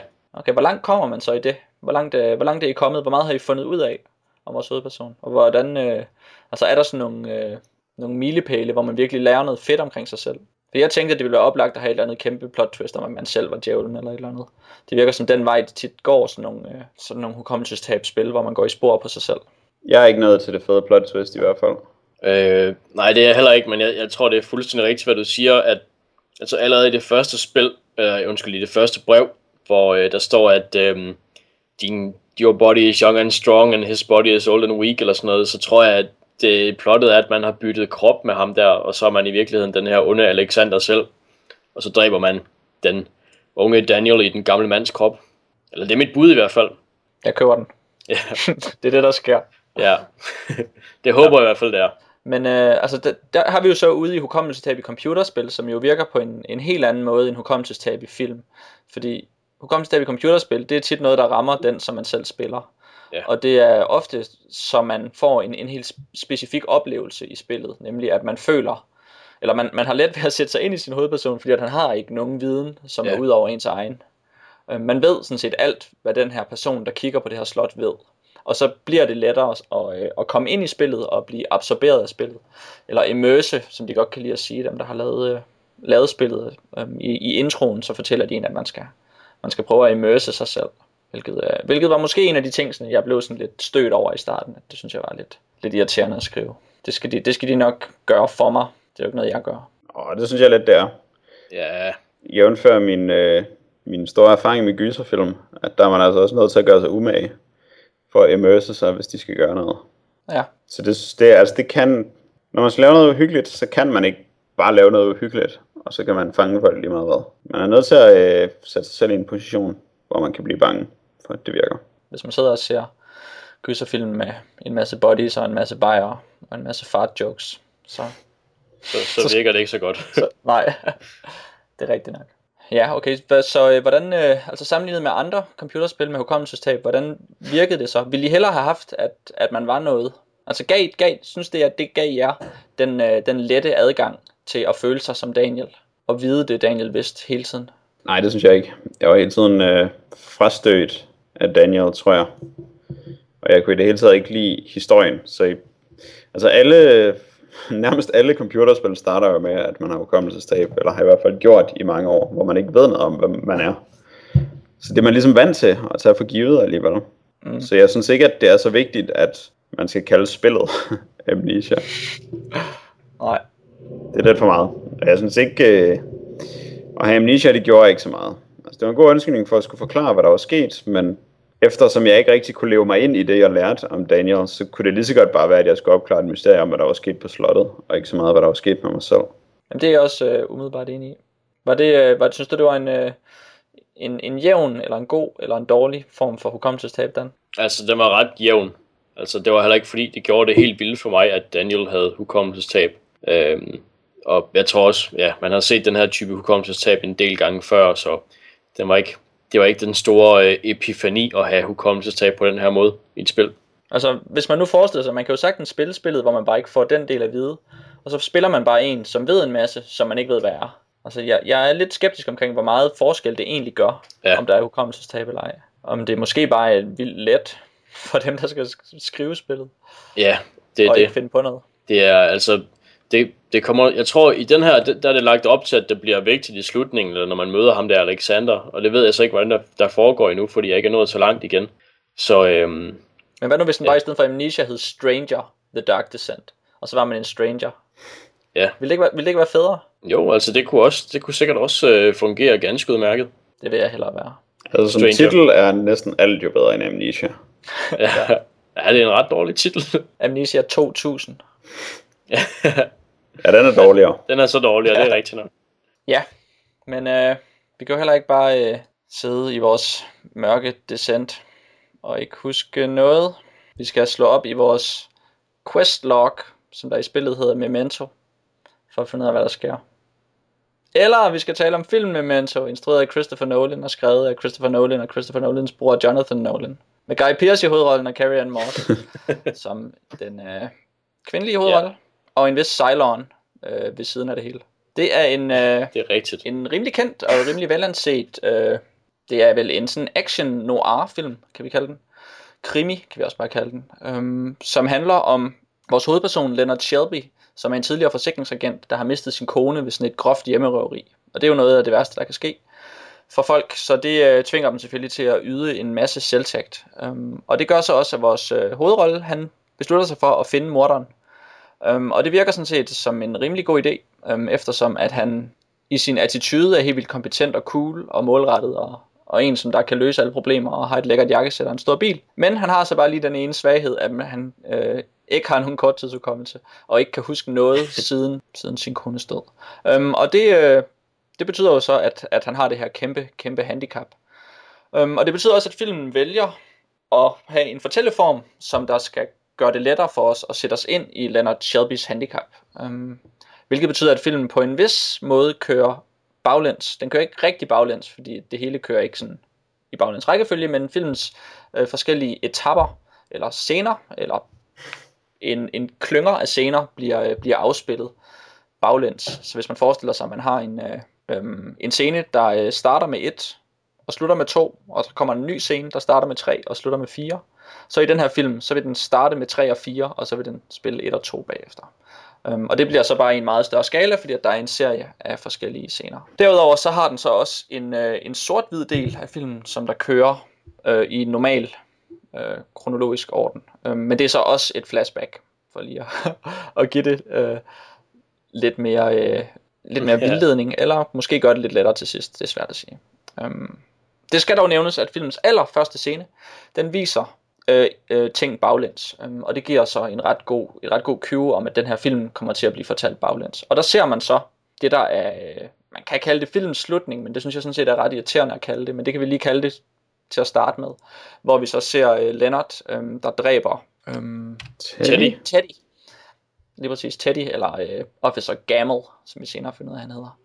Um, og så skal vi ellers øh, ja, køres øh, baglæns igennem Leonard Shelbys øh, mærkelige hukommelse. Hvornår så I den først? Det gjorde jeg nok omkring 2000. Måske 2001 eller sådan noget, da den var rimelig ny. Men jeg så den vist på DVD, så det må jo være efter den udkom på DVD. Ret kort derefter. Jeg tror faktisk, den udkom i Danmark i biograferne i 2001. Okay. Så har det måske været lidt senere. Men der omkring ja. i hvert fald, da den var ny. Ret tæt på, i forrige årti i hvert fald. Og ja, det var fedt at se den igen. Det var fedt at se den igen, og jeg tror, jeg så den på VHS første gang, da den kom på VHS. Nå. Så øh, det er også lang tid siden. Det må på en eller anden måde kvalificere din, øh, din mening om den her film. ja, det ved jeg nu ikke, men det er i hvert fald lang tid siden, jeg så den sidste, og, øh, og jeg er jo glad for at se den igen. Og den her film, den handler jo om noget omkring øh, hukommelsestab. Um, og den har en masse sjove scener. Um, det starter den sådan set ud med at bruge ret meget tid på, og, og ligesom forklare os omkring Leonard Shelbys mærkelige hjerne, og så stiller ham i en masse irriterende situationer, hvor han hele tiden møder ja. folk, som han er gode venner med, men han kan ikke huske dem. Um, og så skal han altid starte med at sige, I have this condition, og så siger de, det ved vi godt, din nar. Uh, kender, vi, ja. vi kender dig fra adskillige situationer, um, og vi prøver alligevel alle sammen på at snyde dig hele tiden.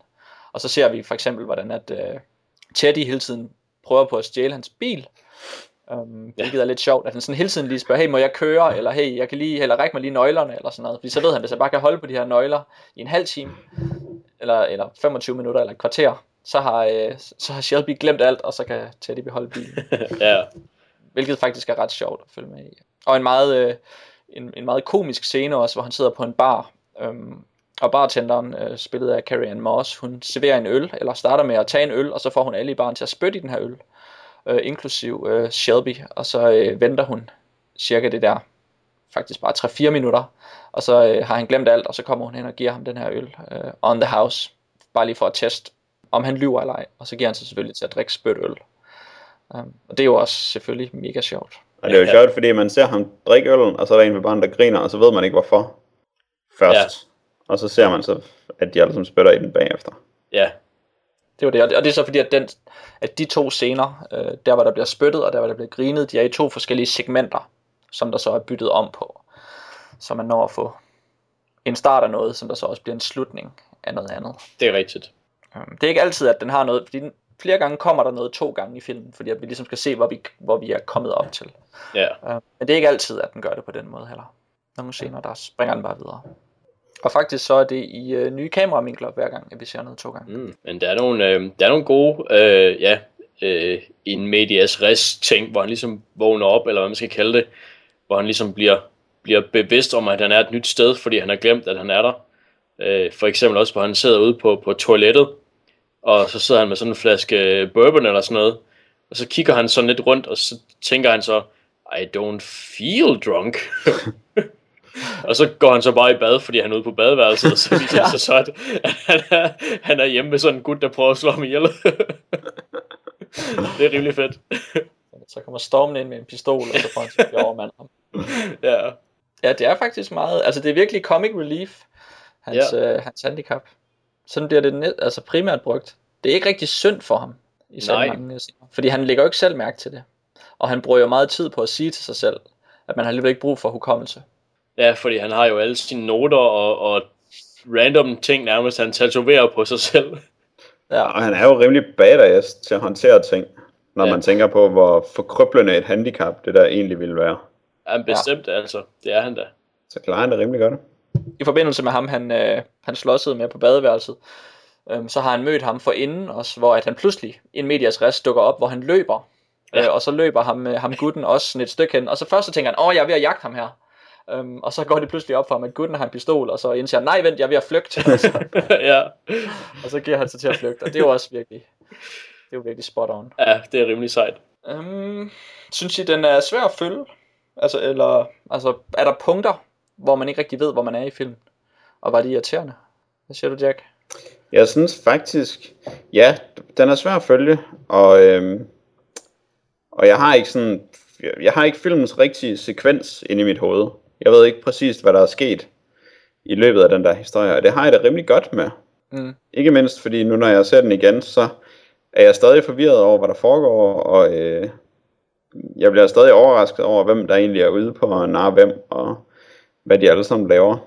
Og jeg kan godt lide, at det bliver ved med at være- være forvirret. Man forstår nok til, at man forstår, hvad der er sket. Altså man får tingene forklaret, men man får dem ikke øh, stykket sammen. Og det er utrolig svært at gå tilbage og rekonstruere, hvordan de tidligere scener har hængt sammen, Mm. når man ved, hvad det er, der sker. Så den bliver ved med at være sådan et øh, kæmpe rod inde i ens hoved, men man, ved, man mærker også, at der er en orden i det, og ved, at det hænger sammen, og det gør det meget tilfredsstillende at blive overrasket, fordi man bare er blevet outsmartet af en clever film. Men jeg, jeg får virkelig lyst til at tale om Inception nu, men det er der vel ikke. Det behøves jo ikke.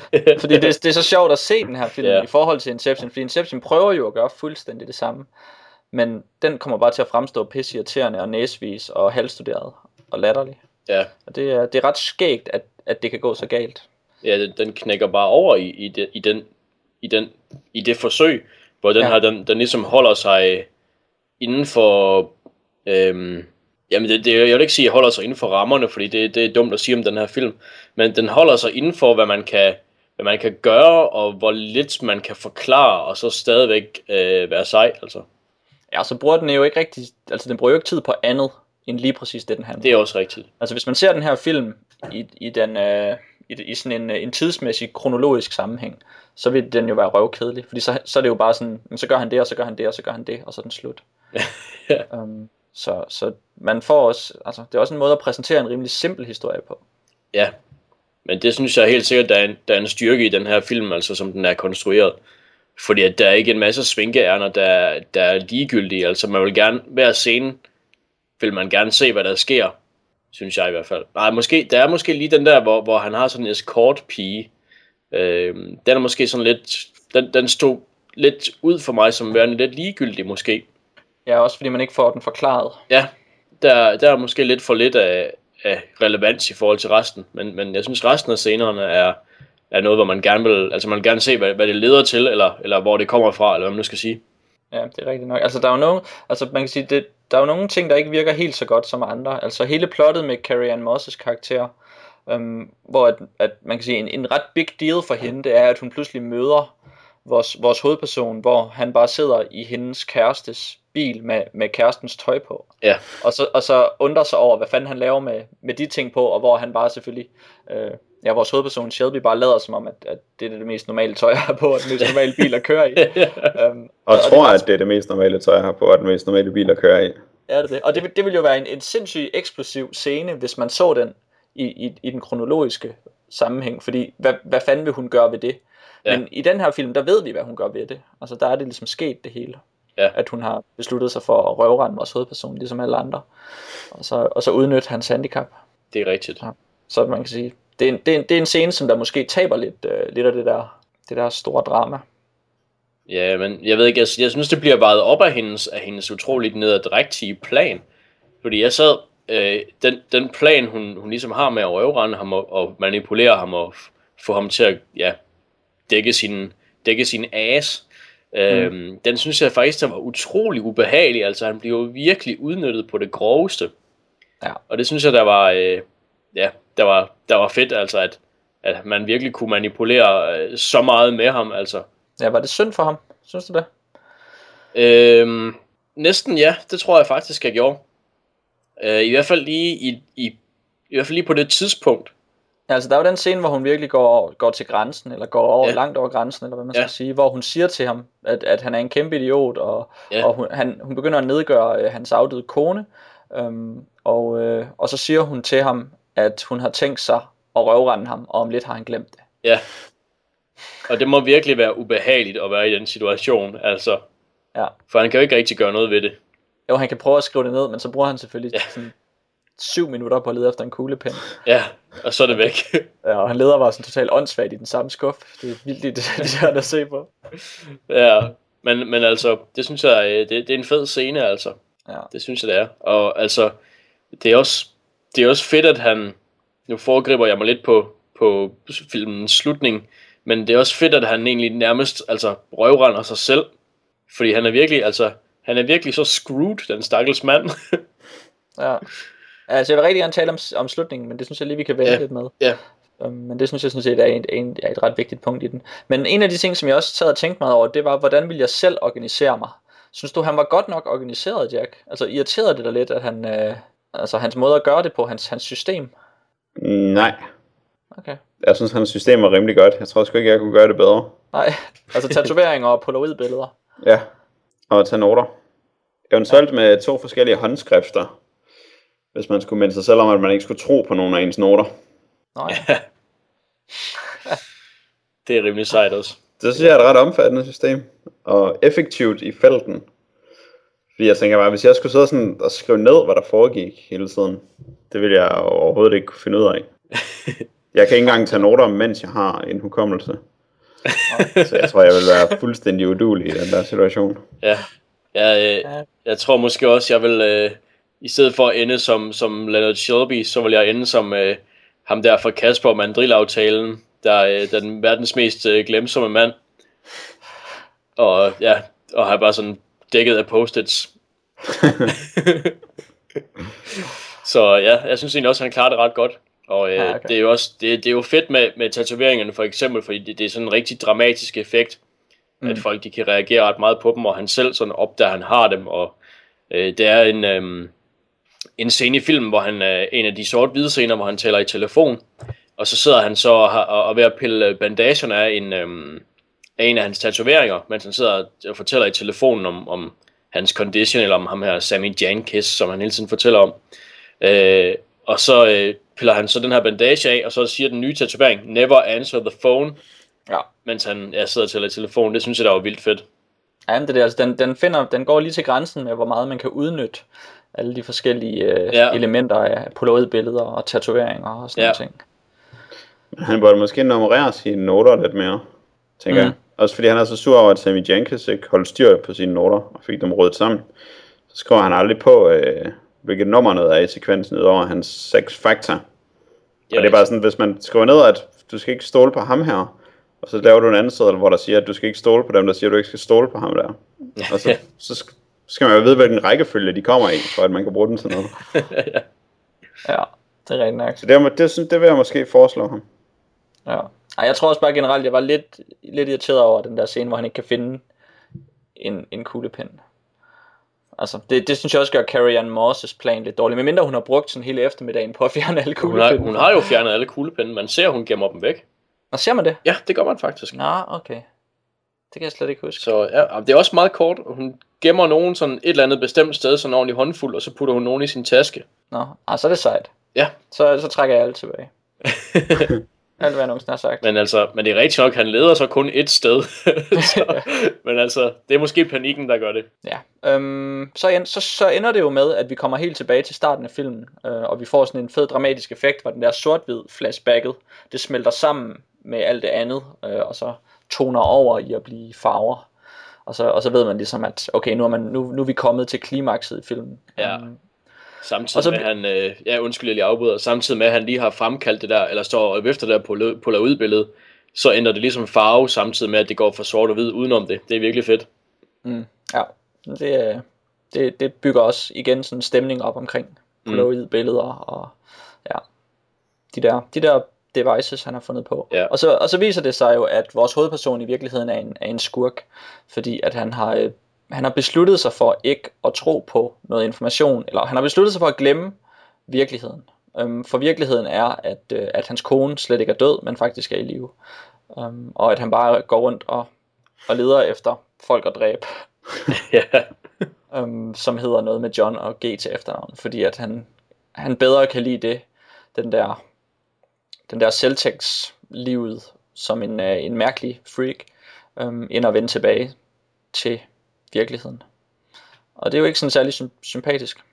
Han er jo nærmest bare en idiot. En nar. det er altså, det, det er rigtigt nok, det er ikke, det er ikke super sympatisk, at han, at han ligesom går og dræber folk. I stedet for at være sammen med sin kone. Altså det er Ja. nærmest det er noget af det værste. Sådan Ja. en lille, lille, sådan sub, sub, lille hyggelig twist, man kan lave på sådan en hovedperson. Det er rigtigt. forresten. Det er rigtigt, men altså på, på en måde altså, jeg synes heller ikke det er, jeg synes heller ikke det, det på med et trylleslag gør ham til skurken som sådan. Er Altså, det, er det fordi, at det bliver retfærdiggjort af, at alle udnytter ham? altså jeg tror det lidt, ja. Altså når man, når man ser på hvordan folk behandler ham, så kan jeg godt forstå, at man er lidt bitter. Øhm, Ja, ja, okay. okay. Så måske, måske retfærdiggør det det på, på en måde af det. Altså øhm, det, det tror jeg måske lidt, det gør for mig. Okay, for jeg vil synes bare, at det var... Øh... Altså, det var, det, var, det var fedt, at jeg havde glemt, hvordan filmen sluttede, så det var... Altså, så jeg var lige så overrasket som første gang, jeg Ja. så den. Um, hvis jeg, medmindre jeg overhovedet ikke fattede en skid første gang, jeg så den. Um, og så, øh, og så, øh, så var jeg lidt skuffet over den slutning. Jeg, jeg vidste ikke helt, hvad jeg skulle gøre med det. Så var John Gamble bare helten, og så var vores hovedperson bare skurken. Bortset fra, at John Gammer, han bare sådan var øh, fjernbetjening til sådan en fyr, der gik rundt og myrdede folk. Ja, Det var heller ikke super sødt. Nej, det var det faktisk heller ikke. det er rigtigt. Alle er jerks, og jeg synes ikke rigtigt, at der er noget moralsk indhold i filmen. Så derfor kan jeg ikke rigtig være skuffet over, hvem han er. Det er, øh, altså det er en spørgsmål, det er en film, der bare sådan handler om at være en clever struktur. Og øh, flot og sådan forskellige Ja. andre små ting. Men moralsk og menneskeligt, der lærer man ikke rigtig noget af filmen. Altså, man den mindre har- man sætter sig ned og filosoferer over, hvordan det vil være at leve med den der hukommelse. Så kan det Ja, være, så man har den jo den der, øh, den der Sammy-historie, som den hele tiden fortæller om, som er, Ja, som er sådan en parallel historie, hvor et, vores, vores hovedperson taler om en anden, der har haft en tilsvarende, øh, et tilsvarende handicap.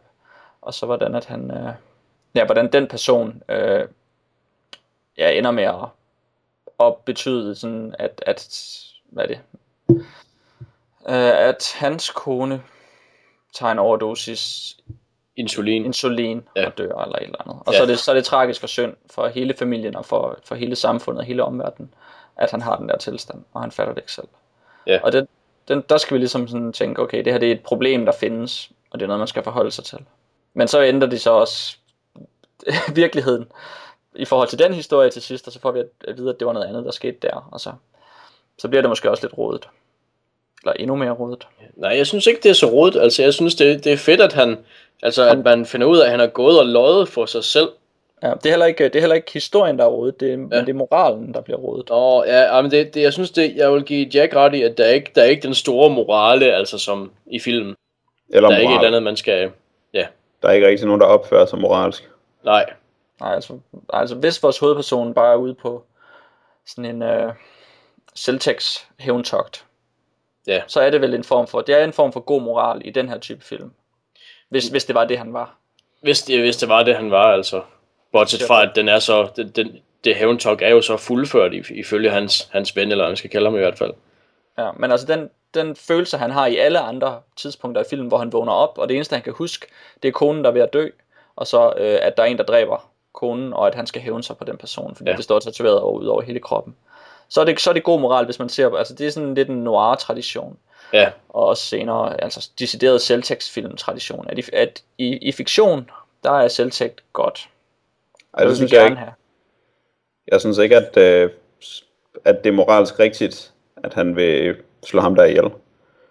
Nå. Det synes jeg ikke gør ham moralsk god. Hverk, øh, Ikke for mig i hvert fald. Altså, det gør ham øh, forståelig, og det er en acceptabel mission at have. Men det gør ham ikke til... Det godkender ham ikke moralsk for mig. Ja, altså nej, altså det, det, det, kan, det kan helt sikkert også diskuteres, men altså det man kan sige med den her øh, film, at den, den er i den tradition, hvor selvtægt er en ting, der ikke er, altså der er nødvendig, hvis man kan sige det. Ja. Øhm, og det, dermed altså er det, er det vel et slags blåstempel af hans mission, at det får det til at fremstå som nødvendigt, at han hævner sig ved at dræbe ham af fyren. Men det er jo ikke nødvendigt at slå ham ihjel. Det er det, jeg mener. Altså, hvis han ville have et øh, Ja. ja. selvtægtstogt mod ham, så kunne han gøre det for at få ham arresteret eller dømt for forbrydelsen eller sådan noget.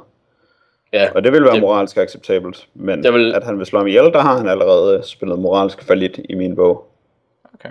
ja, altså der vil han blive en, en mere clear good guy, hvis det var hans mission, det er helt sikkert. Men det er jo interessant, om man siger fra starten af, at vi har med en antihelt at gøre. Øhm, Det vil du jo så tænke, Jack, med det udgangspunkt, du har.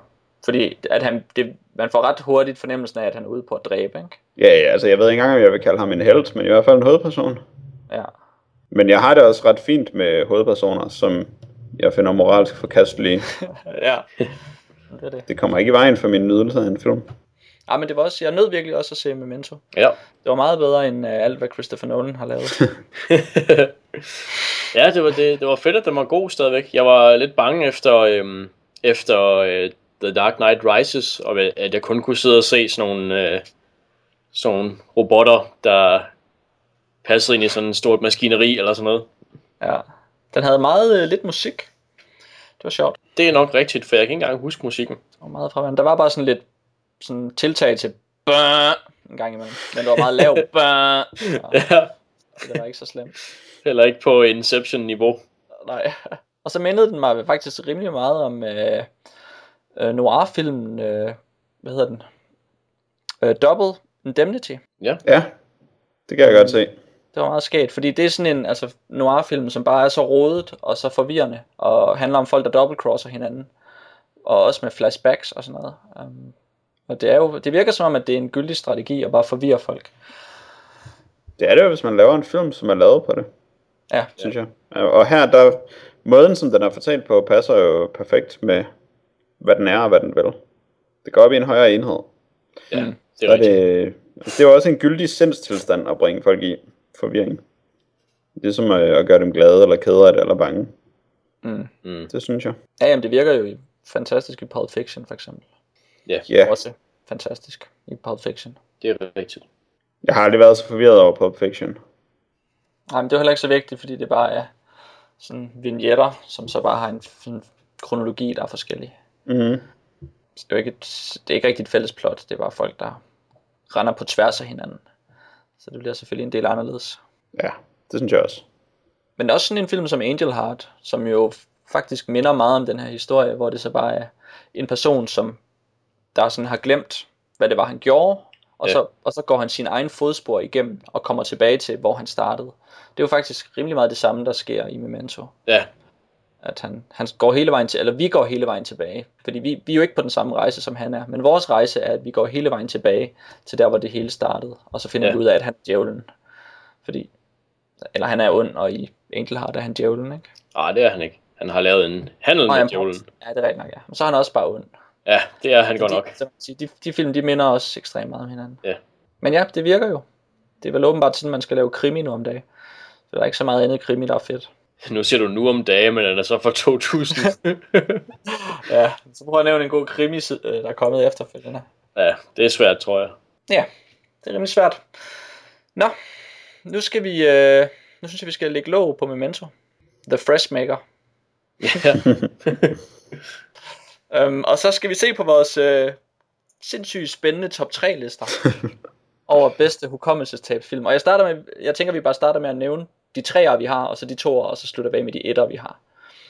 Um, og så bliver det spændende at se, om der er genganger. Og jeg vil godt starte, fordi at det var, fordi det er mig, der har, der har, der, der har fundet på det her. Eller det er det ikke. Der, det, der er selvfølgelig tusindvis af top 3 lister i verden. Men vi har, vi har, og min top 3 liste over, over bedste hukommelsestab, øhm, øh, det er C-3PO's øh, Memory Wipe i episode 3. Øhm, hvis I kan huske det. Ikke rigtigt. Nej. Men det synes jeg var, det synes jeg var et rigtig godt øh, hukommelsestræk i hvert fald, fordi at det efterfølgende øh, har skabt sådan en, øh, en spændende dynamik mellem R2-D2 og C-3PO, som er rigtig fed med R2-D2, der stadig har hukommelsen, og C-3PO, der ikke har nogen hukommelse for, hvad der skete i øh, episode 1, 2 og 3. Og så når man så ser øh, 4, 5 og 6, så er det som om, at deres, deres forhold bliver endnu mere interessant. Øhm, og det er ligesom de to karakterer, der overtager det hele, på grund af det, det lille trick. Så det synes jeg var et rigtig godt øh, hukommelsesknep. Når du siger Star Wars 3 i går, Ja, er så det så er den det... sidste nye? Ja. Ja, okay. Så er jeg med. så er du med. Så i, i, den, i, i uh, Star Wars 4, den første, der udkom, A New Hope, ja. der, uh, der render de rundt. Og så Ja. er det også 2 der har al hukommelsen. Og 3PO har ikke. Ja, godt. Så er jeg med. Og det synes jeg virkede godt. Hvad har du, Jack? Jeg anede slet ikke, at det der havde fundet sted. Så det har jeg selvfølgelig ikke tænkt over, når jeg har set de rigtige Star Wars film. Nej. Og øh, jeg har ikke set den der træner. Men det lyder faktisk ret sjovt. Mm. Men på sådan et meget øh, metafiktivt niveau. Måske ikke mindst fordi R2-D2 ikke... Øh, han oplyser mig ikke så meget med sin tale. Nej, men det er jo lige præcis derfor, at det kan lade sig gøre. Ikke? At han kan rende rundt og bare hele tiden være et skridt foran alle. Det har jeg så heller ikke bemærket, at han er. Jeg har faktisk ikke tænkt så meget over de der to robotter. Jeg er ikke øh, overbevist om, jeg kan lide dem. Nej, okay. Man behøver heller ikke at kunne lide dem, for at, at synes, de har et interessant forhold. Måske skal man kunne lide dem for at kunne gå op i det. Ja, okay. Altså, hvem kan lide C-3PO? Ja, det er der måske Han var jo øh, 80'ernes svar på Jar Jar Binks. Ja, Wow, 80'erne var rimelig fede i forhold til vores tid. Ja. det er dig nu, Jack. Okay, Du skal, du skal komme med dine fede træer. øh, Dan har faktisk nævnt min fede træer, som er øh, Calculons long-running soap opera i Futurama, All My Circuits, hvor de nogle gange får amnesia, og så gør de det så dramatisk, hver gang de har amnesia. Det synes jeg er sjovt. I den der soap-tradition. Som nok egentlig er inspireret af Days of Our Lives, som også har nogle virkelig gode amnesia plots. Som jeg måske lige kommer ind på, øh, nej det gør jeg nok ikke, øh, som minder meget om øh, Spider-Mans amnesia, der hvor djævlen pludselig dukker op, og så har jeg lidt glemt, at de har været gift, og hvad der er sket og sådan noget. At det gør de også i Days of Our Lives, hvor Satan dukker op og giver folk hukommelsestab. Wow. nice. Det er faktisk rimelig sejt. Det kan også bare være, at de har det fra øh, Twilight Zone. Ja, måske, men øh, Måske. Nu skal man ikke glemme, at Days of Our Lives altid er ældre end alt andet. Så det er meget farligt at sige, at de har ting fra steder. Det er rigtigt. Ja. Jeg, jeg passer på. Dan, hvad er dine træer? Jeg har ikke øh, inddelt dem sådan, øh, hvad kan man sige, i 1, 2 og 3, som jeg bare har nævnt, som jeg bare har fundet, fundet tre ting. Men hvis jeg skal hurtigt inddele dem i 1, 2 og 3, så bliver det nok Angel Heart, der bliver min nummer 3. Ja, den nåede vi jo lige at nævne. Ja, så jeg ved ikke, om, om der er så meget mere at sige om den. Jeg har glemt, at han har amnesia i den. Han øh, er jo den her privatdetektiv, Mickey Rourke, hovedrollen, der bliver hyret til at finde Johnny Favorite, som er sådan en smør tenor sanger type. Og øh, så er han sig selv Johnny Favorite. Nej, han da. Ja, Jeg tror måske aldrig, jeg har forstået Angel Heart. Så. den er vildt god. Den er ret god, når man forstår den. Ja, Ja, men nej, men den er vildt god også, selvom man ikke forstår den. Altså, jeg er vild med Angel Heart. ja. Men måske har jeg aldrig forstået den. Jeg må lige prøve at se den igen, og se om jeg har forstået Ja. den. Jeg kan Det- jo ikke og huske jeg- det. Jeg håber, at, at alle har set den, fordi ellers så har jeg ligesom afsløret ret meget. Ej, men der er også øh, nogle kyllinger og noget fed gombo, man kan. ja, det er rigtigt. Det er, det er, den er værd at se alligevel. Den er Så lyder den jo endnu mere inspireret af Abe Kobos The Ruined Map. Den ultimative eksistentialistiske detektivhistorie. Det er ret sjovt. Det vil jeg se. Øhm, min nummer to, det er, øh, det er Final Fantasy 10. Øhm, og, og Tidus øh, karakteren. Så, øh, rimelig klassiske JRPG. Øh, hukommelsestab, sådan der for mig øh, var sådan øh, den første gang, at jeg synes, at det virkede fedt, og, og, så, øh, og så det bedste, jeg har prøvet, fordi det var første gang, det var fedt. Så det er bare øh, sådan Ja. en, en personlig JRPG, som, øh, som virkelig gav mig hele den der, alle de der sådan eksistentielle problemer om, hvad er virkeligheden, og er man i live, og, eller er det døden, og hvor er man, og sådan noget. Og det, det holdt mig faktisk rimelig interesseret igennem, jamen altså, jeg har vel samlet spillet sådan 150 timers Final Fantasy 10, hvor, hvor jeg synes, at det har været fedt at være en del af den karakters hukommelsestab. Så det må, det må være min tur. Det er Nice. faktisk meget sjovt. Øh, Jeg ærger mig næsten nu over, at jeg ikke havde Final Fantasy 8 med, hvor de har det værste hukommelsestab, hvor alle de personer, der tilfældigt har mødt hinanden i løbet af historien, de til sidst i plot-twistet opdager, at de alle sammen er vokset op på det samme børnehjem, Ja. og så har de bare glemt det, uden nogen grund. Um, ja, det er det. det. Hvad hedder det? Final Fantasy 8, det er jo skide. Det er, jeg er helt vild med det spil. Men det der amnesia, der er i det, det er bare så dårligt, at jeg følte, at jeg kunne ikke sætte det på listen. Ja, den er rimelig pinlig. Ja, men tieren kører jeg godt lide. Men øh, ja, Jack, hvad er din tur? Uh, Supermans Girlfriend, Lois Lane, nummer 75, fra 1967, hvor uh, The Maestro, han bruger sin Tyranno-baton til at give Superman hukommelsestab. Men så når han spiller på sit øh, følelsesklaver, så kan han ikke få Superman til at være ond. Han bliver bare sådan lidt døllet og forvirret. Øh, men så er det eneste, han har på sig i sin øh, kappelomme, det er et billede af Lois Lane, som han så vil tage ud og finde, og så regner Maestro ud, at han kan bruge det til at manipulere det, så han kidnapper Lois Lanes familie, så hun vil hjælpe ham med hans onde plan. Så da Superman kommer hen og spørger Lois Lane, hvem han er, så forklarer hun ham, at han øh, i virkeligheden er øh, den største skurk, der findes. Han er virkelig ond. Øh, han er The Man of Steel, som i stjæle. Manden af stjæle. Get it? oh, Øh, og så siger hun, at nu skal han bare rejse til det her sted i Sydamerika i morgen og gøre, øh, som han får besked på der.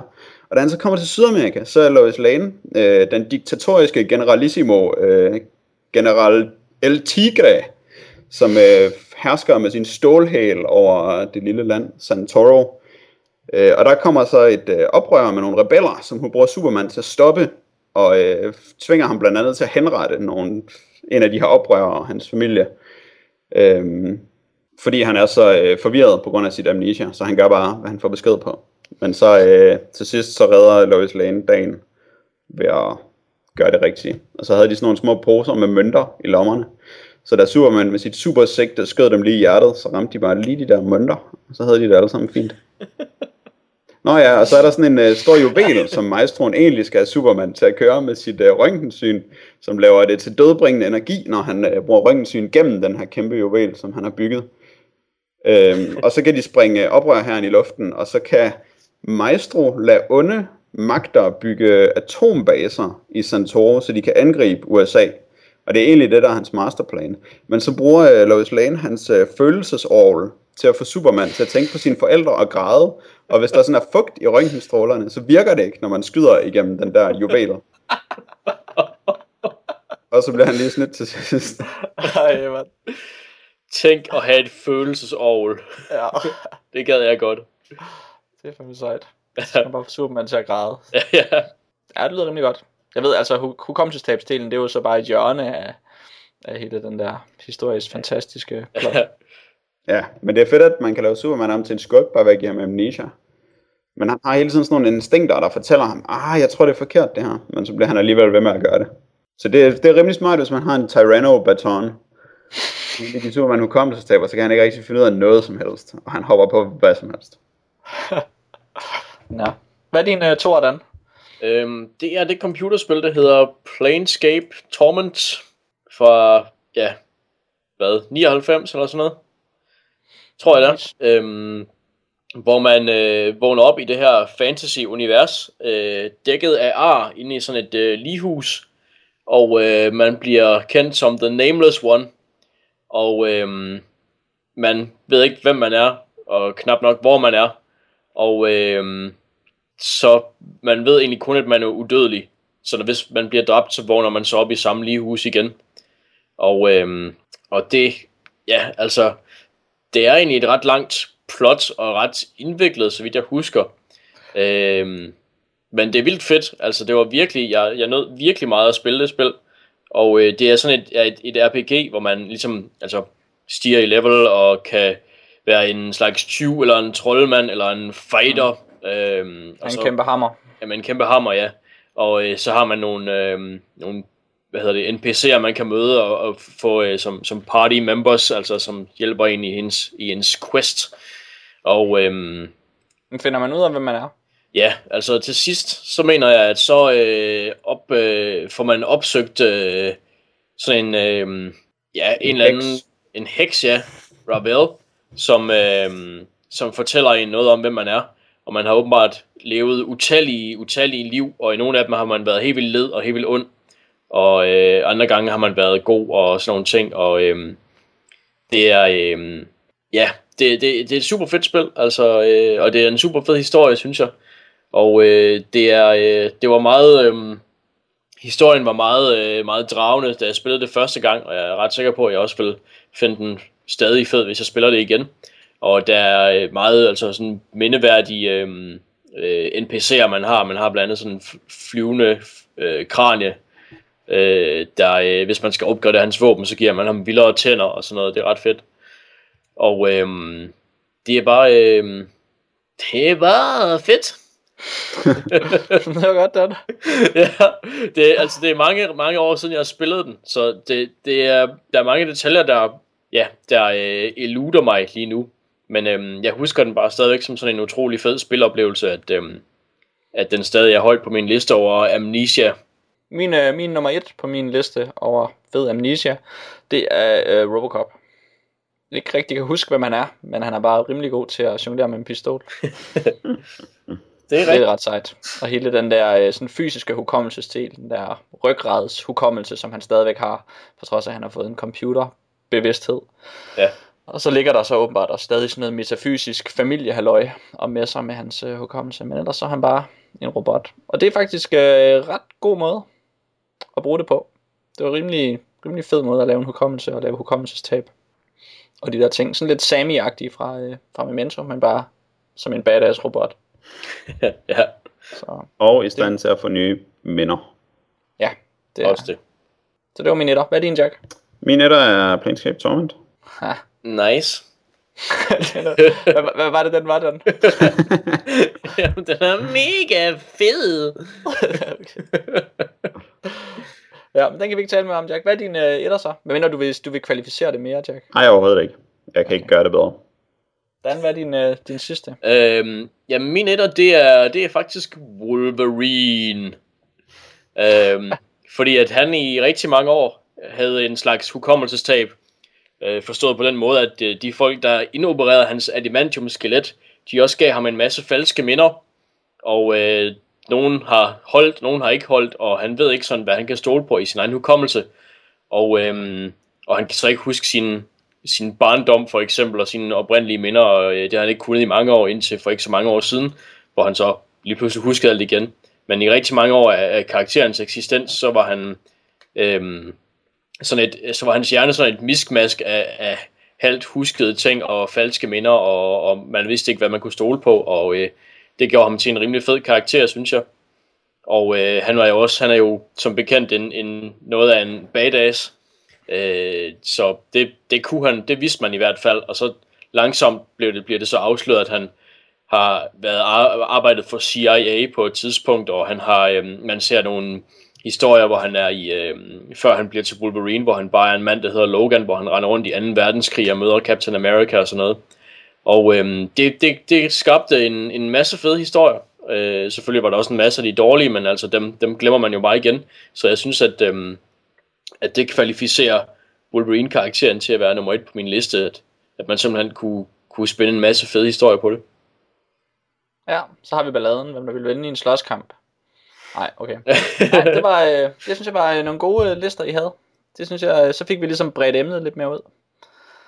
Så kan ja. man virkelig, så kan man virkelig tænke over det. Uha.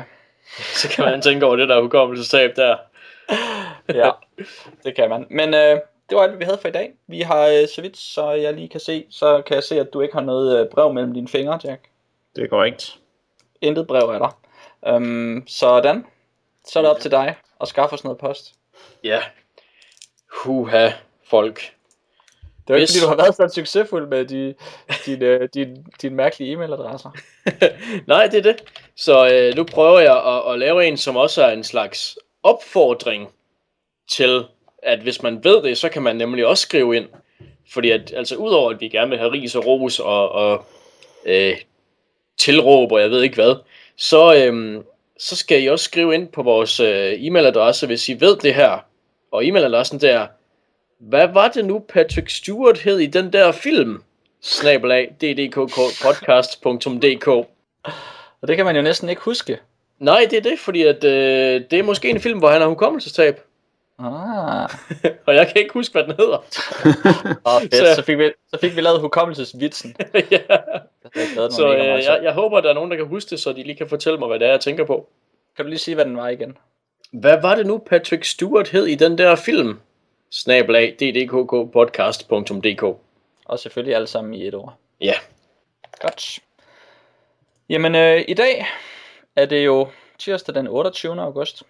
Og det betyder, at vi er tilbage igen om 14 dage, tirsdag den 11. september. Farvel og tak.